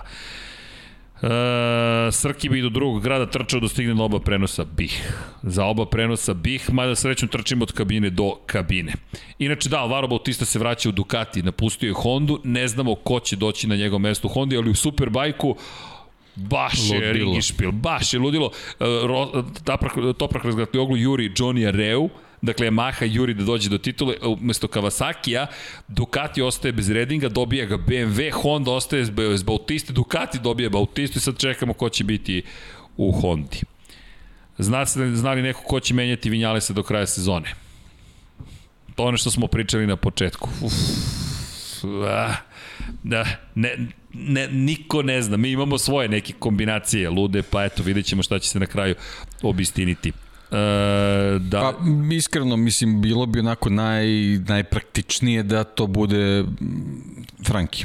Zato da. što jednostavno ako ga pripremaju za sledeću sezonu da bude drugi vozač ekipe, no, nekako je prirodnije da se, da se od početka navikne priču. Ali sad, ako ne žele da se remete ugovori, tu su Karl Kračlov, koji se ne pita sam da li će da ovaj, da nastavi da vozi ove sezone, mislimo pre svega njegovu porodicu i naravno to je Valentino Rossi koji ima ugovor sa, sa fabričkom ekipom, to je sa Yamahom, tako da pa, zapravo to je, to je, ugovor je je, je specifičan. Tako je, on je, tako je. On je čovek koji je potpisao ugovor. To je ugovor ka, dosta sličan njegovim prvim ugovorom u, u, u kraljevskoj kategoriji. to je otprilike neka ta priča kao u fabrič, u, nisam u fabričkom timu, u stvari jes. Mislim, da, to je... on, on ima ugovor sa Petronasom, ali nije bez ugovora sa Yamaha. Tako je. I to je sada jedno i zvanično taj motocikl... A da uprostim, on, on ne prima platu Petronasu. I To je, to je poenta priče. Tako da, vrlo zanimljivo. vrlo je da zanimljivo. Tako da, eto, ja kažem, eto, praktična stvar vezana za Yamahu bilo bi dobro da Morbidelli sedem. Tu ja bih uh, uh, iskreno lično volao da, da, da vidim Frankija na, na, na toj fabričkoj. Ali ako Rossi pređe u fabrički tim, Frank će možda dobiti Rossijevu Yamahu u Petronasu. Tako da nekako on, on, on ispadne da je u najboljoj situaciji u ovoj čitavoj priči. A najgore da ostane na, na staroj specifikaciji. Eto, to, To je, da. To je da, kao, Ali kao čovjek koji treba znamo. da dobije fabrički motocikl. Da, zamislite da Petronas pozove Dovija da vozi. Ne znači da nije pozvan, samo je pitanje da li Dovi želi da sedne na staru Yamahu. To nikada nije do sada želeo da radi, osim kada je Yamaha oživela, to je Simon Peterson lepo rekao, Yamaha oživela njegovu karijeru kada je ostao bez ugovora u Repsol Hondi, Tech 3 zapravo, RV Poncharal ga je oživeo, angažovao ga je da bude vozač Tech 3 ekipe i taj moment je doveo do toga da Doviciozo dobije posle ugovor i način na koji je vozio Yamahu u Ducatiju. Da li bi bilo lepo vidjeti ga na Yamahi? Mislim da bi njegovom stilu vožnje tekako odgovarala Yamaha, ali nažalost Yamaha nema namjeru da radi ono što radi KTM ili ono što je počela da radi Honda, a to je da da fabričku podršku ukoliko nema dovoljno para, da bi i sebi konačno pomogla, jer još jedna M jedinica fabrička tu bi dobi možda i, i želeo da se pojavi. E, Da, I to je to koje se što pita da li može, može sad Morbidelli Yamahu. Pa sve se da dogovoriti. Sve se da dogovoriti, ali sad ko će šta dogovoriti, opet ne znamo. Ne znamo, pregovori su svakako u, toki, u toku. E, pitanje, pitanje, pitanje, ko odlazi iz BMW-a da bi došao da bi došao Scott Redding. Moram pritati, nisam siguran ko će napustiti na kraju BM, u BM, uh, ekipu BMW-a, ali ugovor sa njim je potpisan, tako da ne zamerite, Superbike, koliko god da pratimo, ne pratimo toliko precizno, ali saznaćemo. Janko Matović, nadamo se da će trka biti pono toliko dobro da tvoj legendarni koment hvala, ne iskupi milion pregleda na YouTube-u, to bi bilo to bi bilo super. Čujte, to je to je to je ali ali bilo je lako. Onako trka nekako samo priča izađe i splete se. E, šta bi sa konferencijom Alfa nije za MotoGP, ali je zanimljivost. E, Igor Der, e, danas smo pratili Alfinu konferenciju, to je bila polu zatvorenog tipa konferencija. Zanimljivo je bilo čuti, više su se bavili svojom robnom markom, čisto da napomenem, za onih koji ne znaju, to smo juče najavili. I ono što su bile neke od tema jesu bile žene u Formuli 1. Alfa se nada da će se povećati broj žena koji učestvuju u Formuli 1. S druge strane, pozitivno Pa, na da, njih- apropo Tatjane Calderon koja je učestvovala na, na trci Le Mano, njihov je testni vozač. i Za Ubero već, već nekoliko je. sezona. Da. ali postoji prosto e, tendencija ka tome da će raditi na korporativnom nivou na tome. Još jedna bitna napomena, trenutno rezultati u Formuli 1 svakako im ne pomažu, ali pozitivno učešće u Formuli 1 utiče na brend, na robnu marku Alfa Romeo i nemaju nameru da odustaju, hoće na duge staze da budu u Formuli 1. Ono što međutim mora da se promeni, novi bolid mora biti mnogo, mnogo uspešniji. Rezultati moraju biti mnogo bolji i Alfa će se zaista truditi na tom polju da dođe do željenih rezultata. Neko od novinara je pitao takođe da li će šta misli o trkanju u Africi, svi bi volili da vide Afriku ponovo u kalendaru, ali za sada toga, za sada o tome nije, nema konkretne priče, to su prosto neke, neke želje. E, Da, inače, pretpostavljam da, da, da je ovo, da, e, spominjanje to smo zaboravili, treba spomenuti, pretpostavljam da je priča o Šojiću zapravo spominjanje Lanete Gutovića. Da, nažalost. Nažalost, nas je danas, da. Preminuo je Da. Lane Gutović, Genijalni glumac, jeste. sjajna ličnost, ne samo Srećka Šojića, to je jedna od uloga koja je eto onako kako bi rekao, glo, da. da ovaj, globalno ga je proslavila ovaj, vezano za, Jeste. za ovo naše područje, ali on je, on je čovjek koji je bio briljantan pozorišni glumac, tako da to je, to je pre svega ovaj, nešto zbog čega ga treba pamtiti. I jedan od ljudi koji su imali jasan stav, iznosili ga i čovjek koji, koliko sam čuo, ne znam da li je proveren informacija, rekao da ne želi da bude sahranjen u aleji zaslužnih građana, prosto želi da bude sahranjen, želeo je da bude sahranjen na nekom svom mestu. Da, tako svoje razmišljenja, svoje ja i to je ono ovaj, šta je formiralo, formiralo u stvari njegova ličnost i, i zbog čega je toliko bio i, i popularan na kraju krajeva. Jeste. I opet, ono što smo pričali iza Voca, e, gledamo to što su ostavili za sebe, pogotovo umetnici. U, u, u slučaju Laneta Gutovića, ne znam, utisak mi je nekako, otkud znam, možda je to prosto taj lokalni moment, kada otišao zaista prerano, ali u svakom slučaju svaki gubitak jeste gubitak i, i, i ni malo lak, ali opet želim da pamtim ono pozitivno. Šta su sve doneli sa sobom, šta su sve ispričali, šta, koji je trag koji ti ljudi ostavljaju za sobom, konačno za, zato ih ispominjemo, njim se bavimo i to su te figure koje privlače toliko pažnju i imaju tako velik uticaj i eto, prosto slažemo se samo, treba spomenuti čoveka koji je bio zaista legenda. Zlatko Trenovski, Kineski Franko je vozio fabričku Yamahu ne pre dve godine i nije dao 100% performanse. E, Zlatko, nije to baš tako. Nije Franko nikada dobio punokrvnu M jedinicu. Franko je, imate e, nekoliko specifikacija. Imate fabričku M jedinicu, imate A specifikaciju, imate B specifikaciju. I Franko nikada nije dobio tu Yamahu konkretno, dobio je Yamahu koja je bila bolja od, od Kvartararove, Kvartararo, međutim, potpuno zavladao tom ekipom, Moto Grand Prix, sve nas zaludio na jedan pozitivan način. Došao je na motor koji je imao i 500 manje obrtaja u minuti motora u odnosu na, na Franka Morbidelli i pobedio Morbidelli. I Morbidelli to nije krio. Rekao je, to je mene motivisalo da radim na svojoj fizičkoj pripremi, psihičkoj pripremi, na mojoj veštini i to je učinilo i Morbidelija boljim vozačem. Ali, ajmo sada da se vratimo na prethodnu godinu, ako već pričamo o tome šta nije pokazao u 2019. 2020. godine Fabio Quartararo, kao klubski kolega Franco Morbidelli u Petronasu, je imao punokrvnu M1 fabričku mašinu. S druge strane, jednu sezonu star motocikl je imao Franco Morbidelli. Ko je bio bolje plasiran vozač na kraju sezone u šampionatu sveta? Franco Morbidelli. Ako spomenjamo 2019. moramo da spomenemo i 2020. Quartararo je na slabijem motoru pobedio 2019. a Morbidelli na slabijem motoru 2020. Zato bismo volili da vidimo Morbidelija što u naredne godine fabričkim bojama, što na najjačem mogućem motociklu M1. Mislim da Yamaha dobija dva izuzetna vozača. Morbidelli je prošle godine pobedio Quartarara. To ne treba zaboraviti.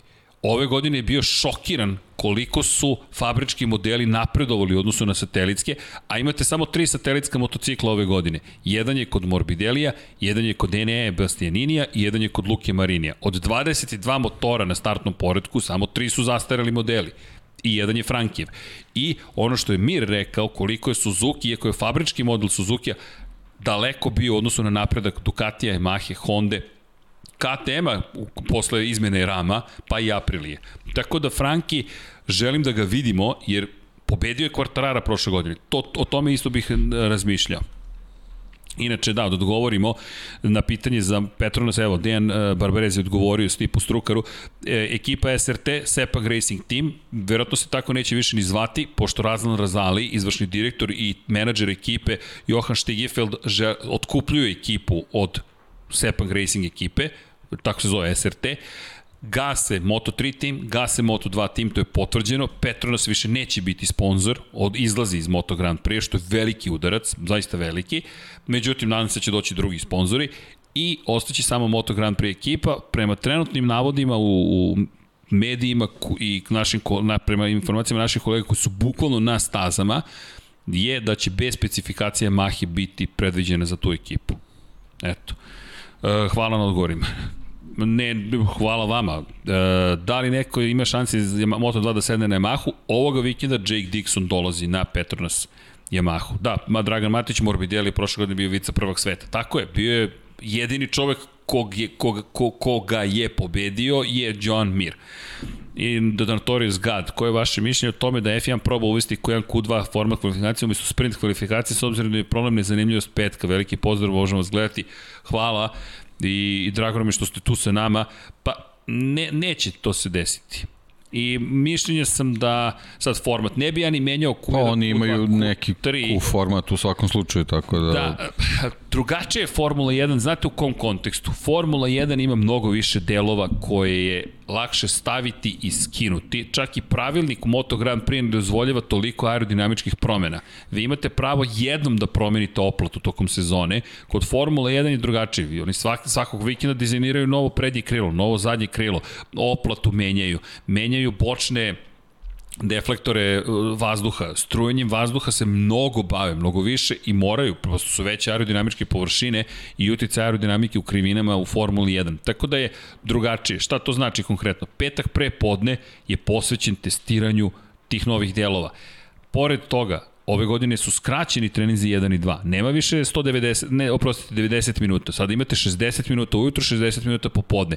Inženjerima je oduzeto oduzeto 50 od 100 vremena, umesto 3 sata vi imate 2 sata. Ljudi, to je tako velika promjena da mi nismo svesni čak sa ove strane. Nama to izgleda kao pa trening traje pola sata manje, kraće. Ne, ne, ne, ne. To je za njih kritično vreme za testiranje. I sad, ujutro testirate delove, testirate do neke gume, popodne radite simulaciju trke i onda taj Q1, Q2 koncept je malo problematičan. Pored toga, u Formuli 1 nema rezervnih bolida. Te, ukoliko napravite jednu veliku grešku, mnogo je visoka cena, rekao bih. U Moto Grand Prix imate rezervni motocikl. E, gde sada Beceki Ducati, ne znamo. Marko se bori sada, bori. Ne znamo s kim pregovore i, i šta će biti tu. To je sada opet pitanje za Beceki i u ovoj trci. Kako se on predstavlja potencijalnim poslodavcima. Marko Beceki ima podršku Valentina Rosija, ali čujte, ako se pojavi zaista Andrea Doviciozo, ako Aramco odustane nekim iz nekog razloga od podrške VR46 ekipi, što nije nemoguće, Andrea Doviciozo dovodi VTU, VTU telekomunikacijona, kom, telekomunikacija. VTU je multi-utility kompanija koja je vrlo zastupljena u Italiji i investira u, prema pisanju Simona Petersona, VTU će verovatno biti novi generalni sponsor zapravo ekipe koja se sada zove Petronas koji želi Italijana, Andrea Dovizioso je veoma popularan, to može da pomogne Marko Becekiju. Ali ukoliko se to ne desi, pa možda će se nešto, mada ja dalje verujem u Aramco VR46, desiti iz perspektive. Ali bukvalno jedan transfer koji bude potvrđen u sledećem periodu će nam malo da. rasplesti čitavu priču oko, oko preostalih mesta. Jeste. Ali ovako je sad samo nagađanje u ovom trenutku. Jeste, jeste, to je za, u, u, u ovom trenutku jedno klupko koje kada je neko bude ovako povukao, će se samo ovako odmotati. A opet zakomplikovalo se celom tom situacijom u Yamahi i Voldemortom. Šalim se, nije čovjek Voldemort. Šalim na stranu, Maverick Vinjalac je prosto čovjek koji pravi Maverick. Baš je Maverick i povuko je poteze vatrene, Nadam se da ćemo to pomoći. Skida deki slušalice, skida, nemoj, nemoj, nemoj. Evo, evo, završamo. E, Petrox uzeo Mizano i završio priču. Muđelo, Muđelo. Petrox je u Muđelu svoju karijeru, pa to je vrhunac karijere. Čak i pobeda na Lemanu nije toliko važna. Prosto u Muđelu vi pobedite Marka Markeza i Andreu Dovicioza u prvoj krivini, odvezete savršen krug i budete prvi pred svojim italijanima na crvenom fabričkom Dukatu. Skandirati cela staza. Kraj. I, I svi su zadovoljni. To je svetska titula za Jest. njega. To je bukvalno svetska titula.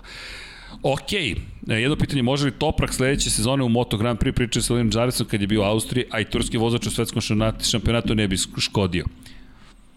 Ne bi. Pa pričao s Linom Jarvisom zato što Priča. je Yamahi tako je. na Red Bull ringu je bio zato što je vozač Red Bulla, tako da naravno da, da svako od njih traži stepenicu više, a zna se šta je u motociklizmu, svako od njih sanja da vozi Moto Grand Prix, tako da... Da, ali tu postoji jedno veliko ali. Johnny Rea još nije pobeđen. Johnny Rea još nije pobeđen. A ko može da kaže da će Johnny Rea odustati? Niko, nikad. Johnny Rea jedno sigurno neće učiniti, neće odustati. Toprak razgatli oglu ima bitku života ove sezone. Ako pobedi Johnny Reu, e to onda otvara stvari. To onda značajno menja i poziciju Topraka razgatli oglu kao vozača, ali i kao čoveka koji ima Yamahine boje. Pobediti, skinuti sa trona Johnny Reu i Kawasaki – to je onaj moment kada kažeš to su ti ljudi koji su to uspeli. Tako da Toprak trenutno ne bi bilo dobro da razmišlja uopšte o Moto Grand Prix, jer ukoliko razmišlja o MotoGP-u, ode titula šampiona sveta, potencijalna titula u Superbajku. A Johnny, ako nešto znamo kad je Alvaro Bautista izgledao kao da će da pojede sezonu, na pola godine imao samo pobede, Johnny je rekao, okej, okay, ja sam tu, i tu, i tu, i tu. Dok Bautista nije počeo da pada, Johnny da zadržava svoj nivo. Tako da, polako, kol, polako, nema, nema još potrebe da, da, da razgati oglu o tome razmišlja. Yamaha, bolje bi bilo da ga sada ne uvlači u tu priču, podrži njega i Gerlofa i kaže, momci, rešite SBK, pa ćemo da pričamo o MotoGP-u. Mohamed Hajdari, ajde da odgovorimo na još par pitanja i da se spremamo za trkački vikend, kaže koji bi vozač iz MotoGP-a najbolje prilagodio na F1. Ne znam, nemoguće pitanje. Ili nije? Ko je najkonstantniji? Ko je naj, najbolju metodologiju ima? Ko, znaš ko bi možda mogao? Andrea Dovicioza. Andrea Dovicioza. Da, da. Mislim da bi on se dobro snašao. dobro, ajde sad kao ne vozi, ajde da, kao da vidimo od aktualnih vozača. Od aktualnih vozača, pa najbolja metodologija. Do, Marquez trenutno nema tu metodologiju. Trenutna metodologija je... Mir. Mir. Mir. Mir, da, John Mir, bravo deki. Nije mi pao Mir, ja sve razmišljam krug po krug, krug po krug, krug po krug i... Eto ga odgovor, da. to, to, to. to. Možda. Mo, možda, to je da. sad samo pretpostavka. I da, evo Dimitri, jao, znaš šta smo zaboravili? Pa kako sam opet zaboravio? Fantazi, čisto da podsjetimo, igrajte fantazi, evo, ubacit ćemo se u ligu, tu smo impresivni, ja sam 296. skočio sam za među vodećih 300. Evo jedan linkić za top, dalje vozio neko pored Dede i, i Marka Markeza Formulu 1. Jeste, Dani Pedrosa Dani vozio. Pedrosa, da. Dani Pedrosa je vozio. Da, da Dani... Jorge, Jorge Lorenzo i Andrea Dovizioso su vozili Lamborghini Super Trofeo, recimo. Da, ali Dani je testirao Toro Rosso zajedno Casey s. Stoner je vozio Super Trofeo, ali nije vozio Formulu 1 i vozio je o, australijski šampionat. Da. Da, ali... Čak je bio takmičar, da, se da, setim. ali nisam, ne mogu se setim da li još Rossi neko. Rossi u Ferrariju, Rossi, pazi Rossija, da. Rossi je vozio šampionski Ferrari i vozio je šampionski Mercedes. Eto, to vam je Valentino Rossi. Čovjek je dobio priliku da vozi Schumacherov Ferrari i Hamiltonov Mercedes. Kraj. Kraj. Mark Marquez je dobio Toro Rosso priliku da vozi, Dani Pedrosa je dobio priliku Toro Rosso da vozi. Ovom čoveku su dovezli specijalno Hamiltonov bolid, a Hamiltonu dovezli specijalno Rossijevu Yamahu. Pre čemu Schumacher je ustupio uslovno svoj Ferrari, kakva priča. Da, to mi nije palo na pamet, odlično pitanje, hvala. Inače, u ligi, dakle, Lab 76, Hajduci Uskoci i dalje na poziciji 1 ispred Floyda 46, Brksona, Zlatnog Dukatija, Mrčija, Porn Stare Elite, Sainca, Damjana 31, Šara i Save 9. Tako da i tu su male razlike, 1168 pojena za Hajduke i Uskoke, a Sava 9 na 1135,5. Drama, veličanstvena drama. Znaš šta bismo mogli da napravimo? Priznanje priznanje. Smislit ćemo kako će to da izgleda, ali priznanje, pa ko pobedi, dobije priznanje. O, lude ideje mi su mi se rodile, upravo. Kako? Ne, ne, ne, ne. Dobiješ priznanje. Kao Webfest. Znaš, Vanja, gde idem? Imam ideju ludu. Okej, okay sad ćemo da smislimo i da dizajniramo priznanje. Zapiši je negdje. Za, za, ovo je interna šala. Zapisat ću, ali dogovoreno. Tako da da, pozivamo se da igrate fantasy. Inače, da biste igrali fantasy, morate da skrenete pre nego što se započnu kvalifikacije. Evo, kaže, vozio Mercedes, Lorenzo Mercedes 2016. SZ, SZ 75. Hvala. Hvala. To sam zaboravio. Lorenzo u Mercedesu. Hm. Jorge Lorenzo. Hvala. To sam baš zaboravio. Ne znam kako mi to nije ostalo u glavi. Jeste, čovjek je vozio Mercedes. Hvala, odlično. Eto, Jorge, e, vidiš, Jorge Lorenzo, mala li je mala stvar.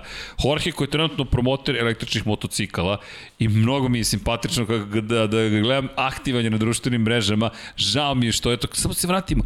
Čekaj, on je čoveče 2000, 2018. imao pol poziciju Silverstone na Ducatiju. I tad sam bio ubeđen da je odvezao taj Silverstone mislim da bi pobedio i mislim da bi haos napravio i Markezu i Doviciozu u šampionatu.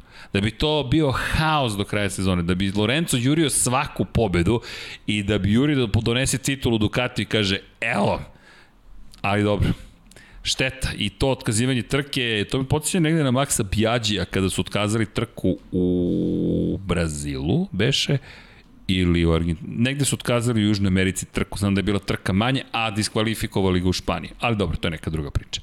I tako, da, da imate tim u F1 i MotoGP, ostala su četiri vozača u MotoGP, dve dame i dva muškarca, takođe F1, koga bi izabrao, dame ili momke. Ko je brži, potpuno mi je nevažno, samo bih rekao, ok, ko vozi najbrže, taj ima angažman. To dalje, muško, žensko, koliko si brz, brza, to je ono što je bitno. Boško Desničić, cijelu fantaziju prestići Srke do kraja sezone. Teško ćete. Infinity plaketa, tako je, bori se, idemo, idemo tu negde. E, u svakom slučaju, pre nego što se odjavimo, kao i uvek, odrite like, zašto? Zato što je to pozitivno. Budite dobri jedni prema drugima, mazite se i pazite se, vozite računa jedni u drugima, recite nekome koga volite da ih volite, 917 pošaljite na 3030 Human 917 455 ukoliko ste u Švajcarskoj ili nešto drugo učinite. Ukoliko želite nas da podržite subscribe patreon.com kroz Infinity Lighthouse možete da kupite i majice. Imamo ih u dosta boja, bit ćemo sada u još boja stigao i magazin, to svašta nešto od Dom Pablo organizuje, ozbiljna organizacija, dobili smo i tu du listu, tako da to Dehi kada, kada kaže prozivka, ali dobro, nadam se da će uroditi diplom, da, udrite like, like, like, like, like i šta da vam kažem, nadam se da ste uživali Nadam se da ćete voditi računa jedni u drugima, da ćete uživati u vikendu, da ćemo dobiti još jednu trku u kojoj jedna fotografija, Vanja može ponovo fotografija, vam kaže šta se desilo u toj jednoj trci, u veličanstvenoj trci Moto Grand Prix-a. Neverovatna fotografija. Moram malo da se izvrnim. Ko Alex Rins sam sada. Gledam tamo u levo šta se događa ali kakva fotografija, mislim da je savršena najava i poziv da se isprati velika nagrada Velike Britanije. Kao što volimo da kažemo, uvek dajmo da uradimo nešto lepo, pozitivno, pa eto, smislite nešto do, do sledeće srede. Inače, udrite predloge, u četu je bilo dosta predloga, pošaljite nam u komentarima dosta predloga zašto, pa da vidimo, evo, vozili smo trke, pa da vidimo šta možemo dalje, ko je, ima više iskustva u gamingu, neka se javi, što se nas tiče, mi pripremamo neke antičke igre, bukvalno. Vanja isto sprema nešto sa igricama, ali to će on da vam priča, sad ga malo uvlačim ja u priču, a i volim da se dugo odjavljujem. No, Vreme da se pozdravimo, želim vam pre svega laku i lepu noć.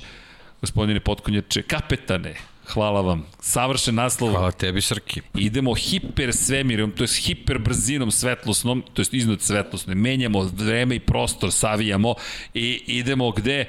Naravno, kraju smo univerzuma, idemo u nepoznato. U to ime, čao svima. Ćao.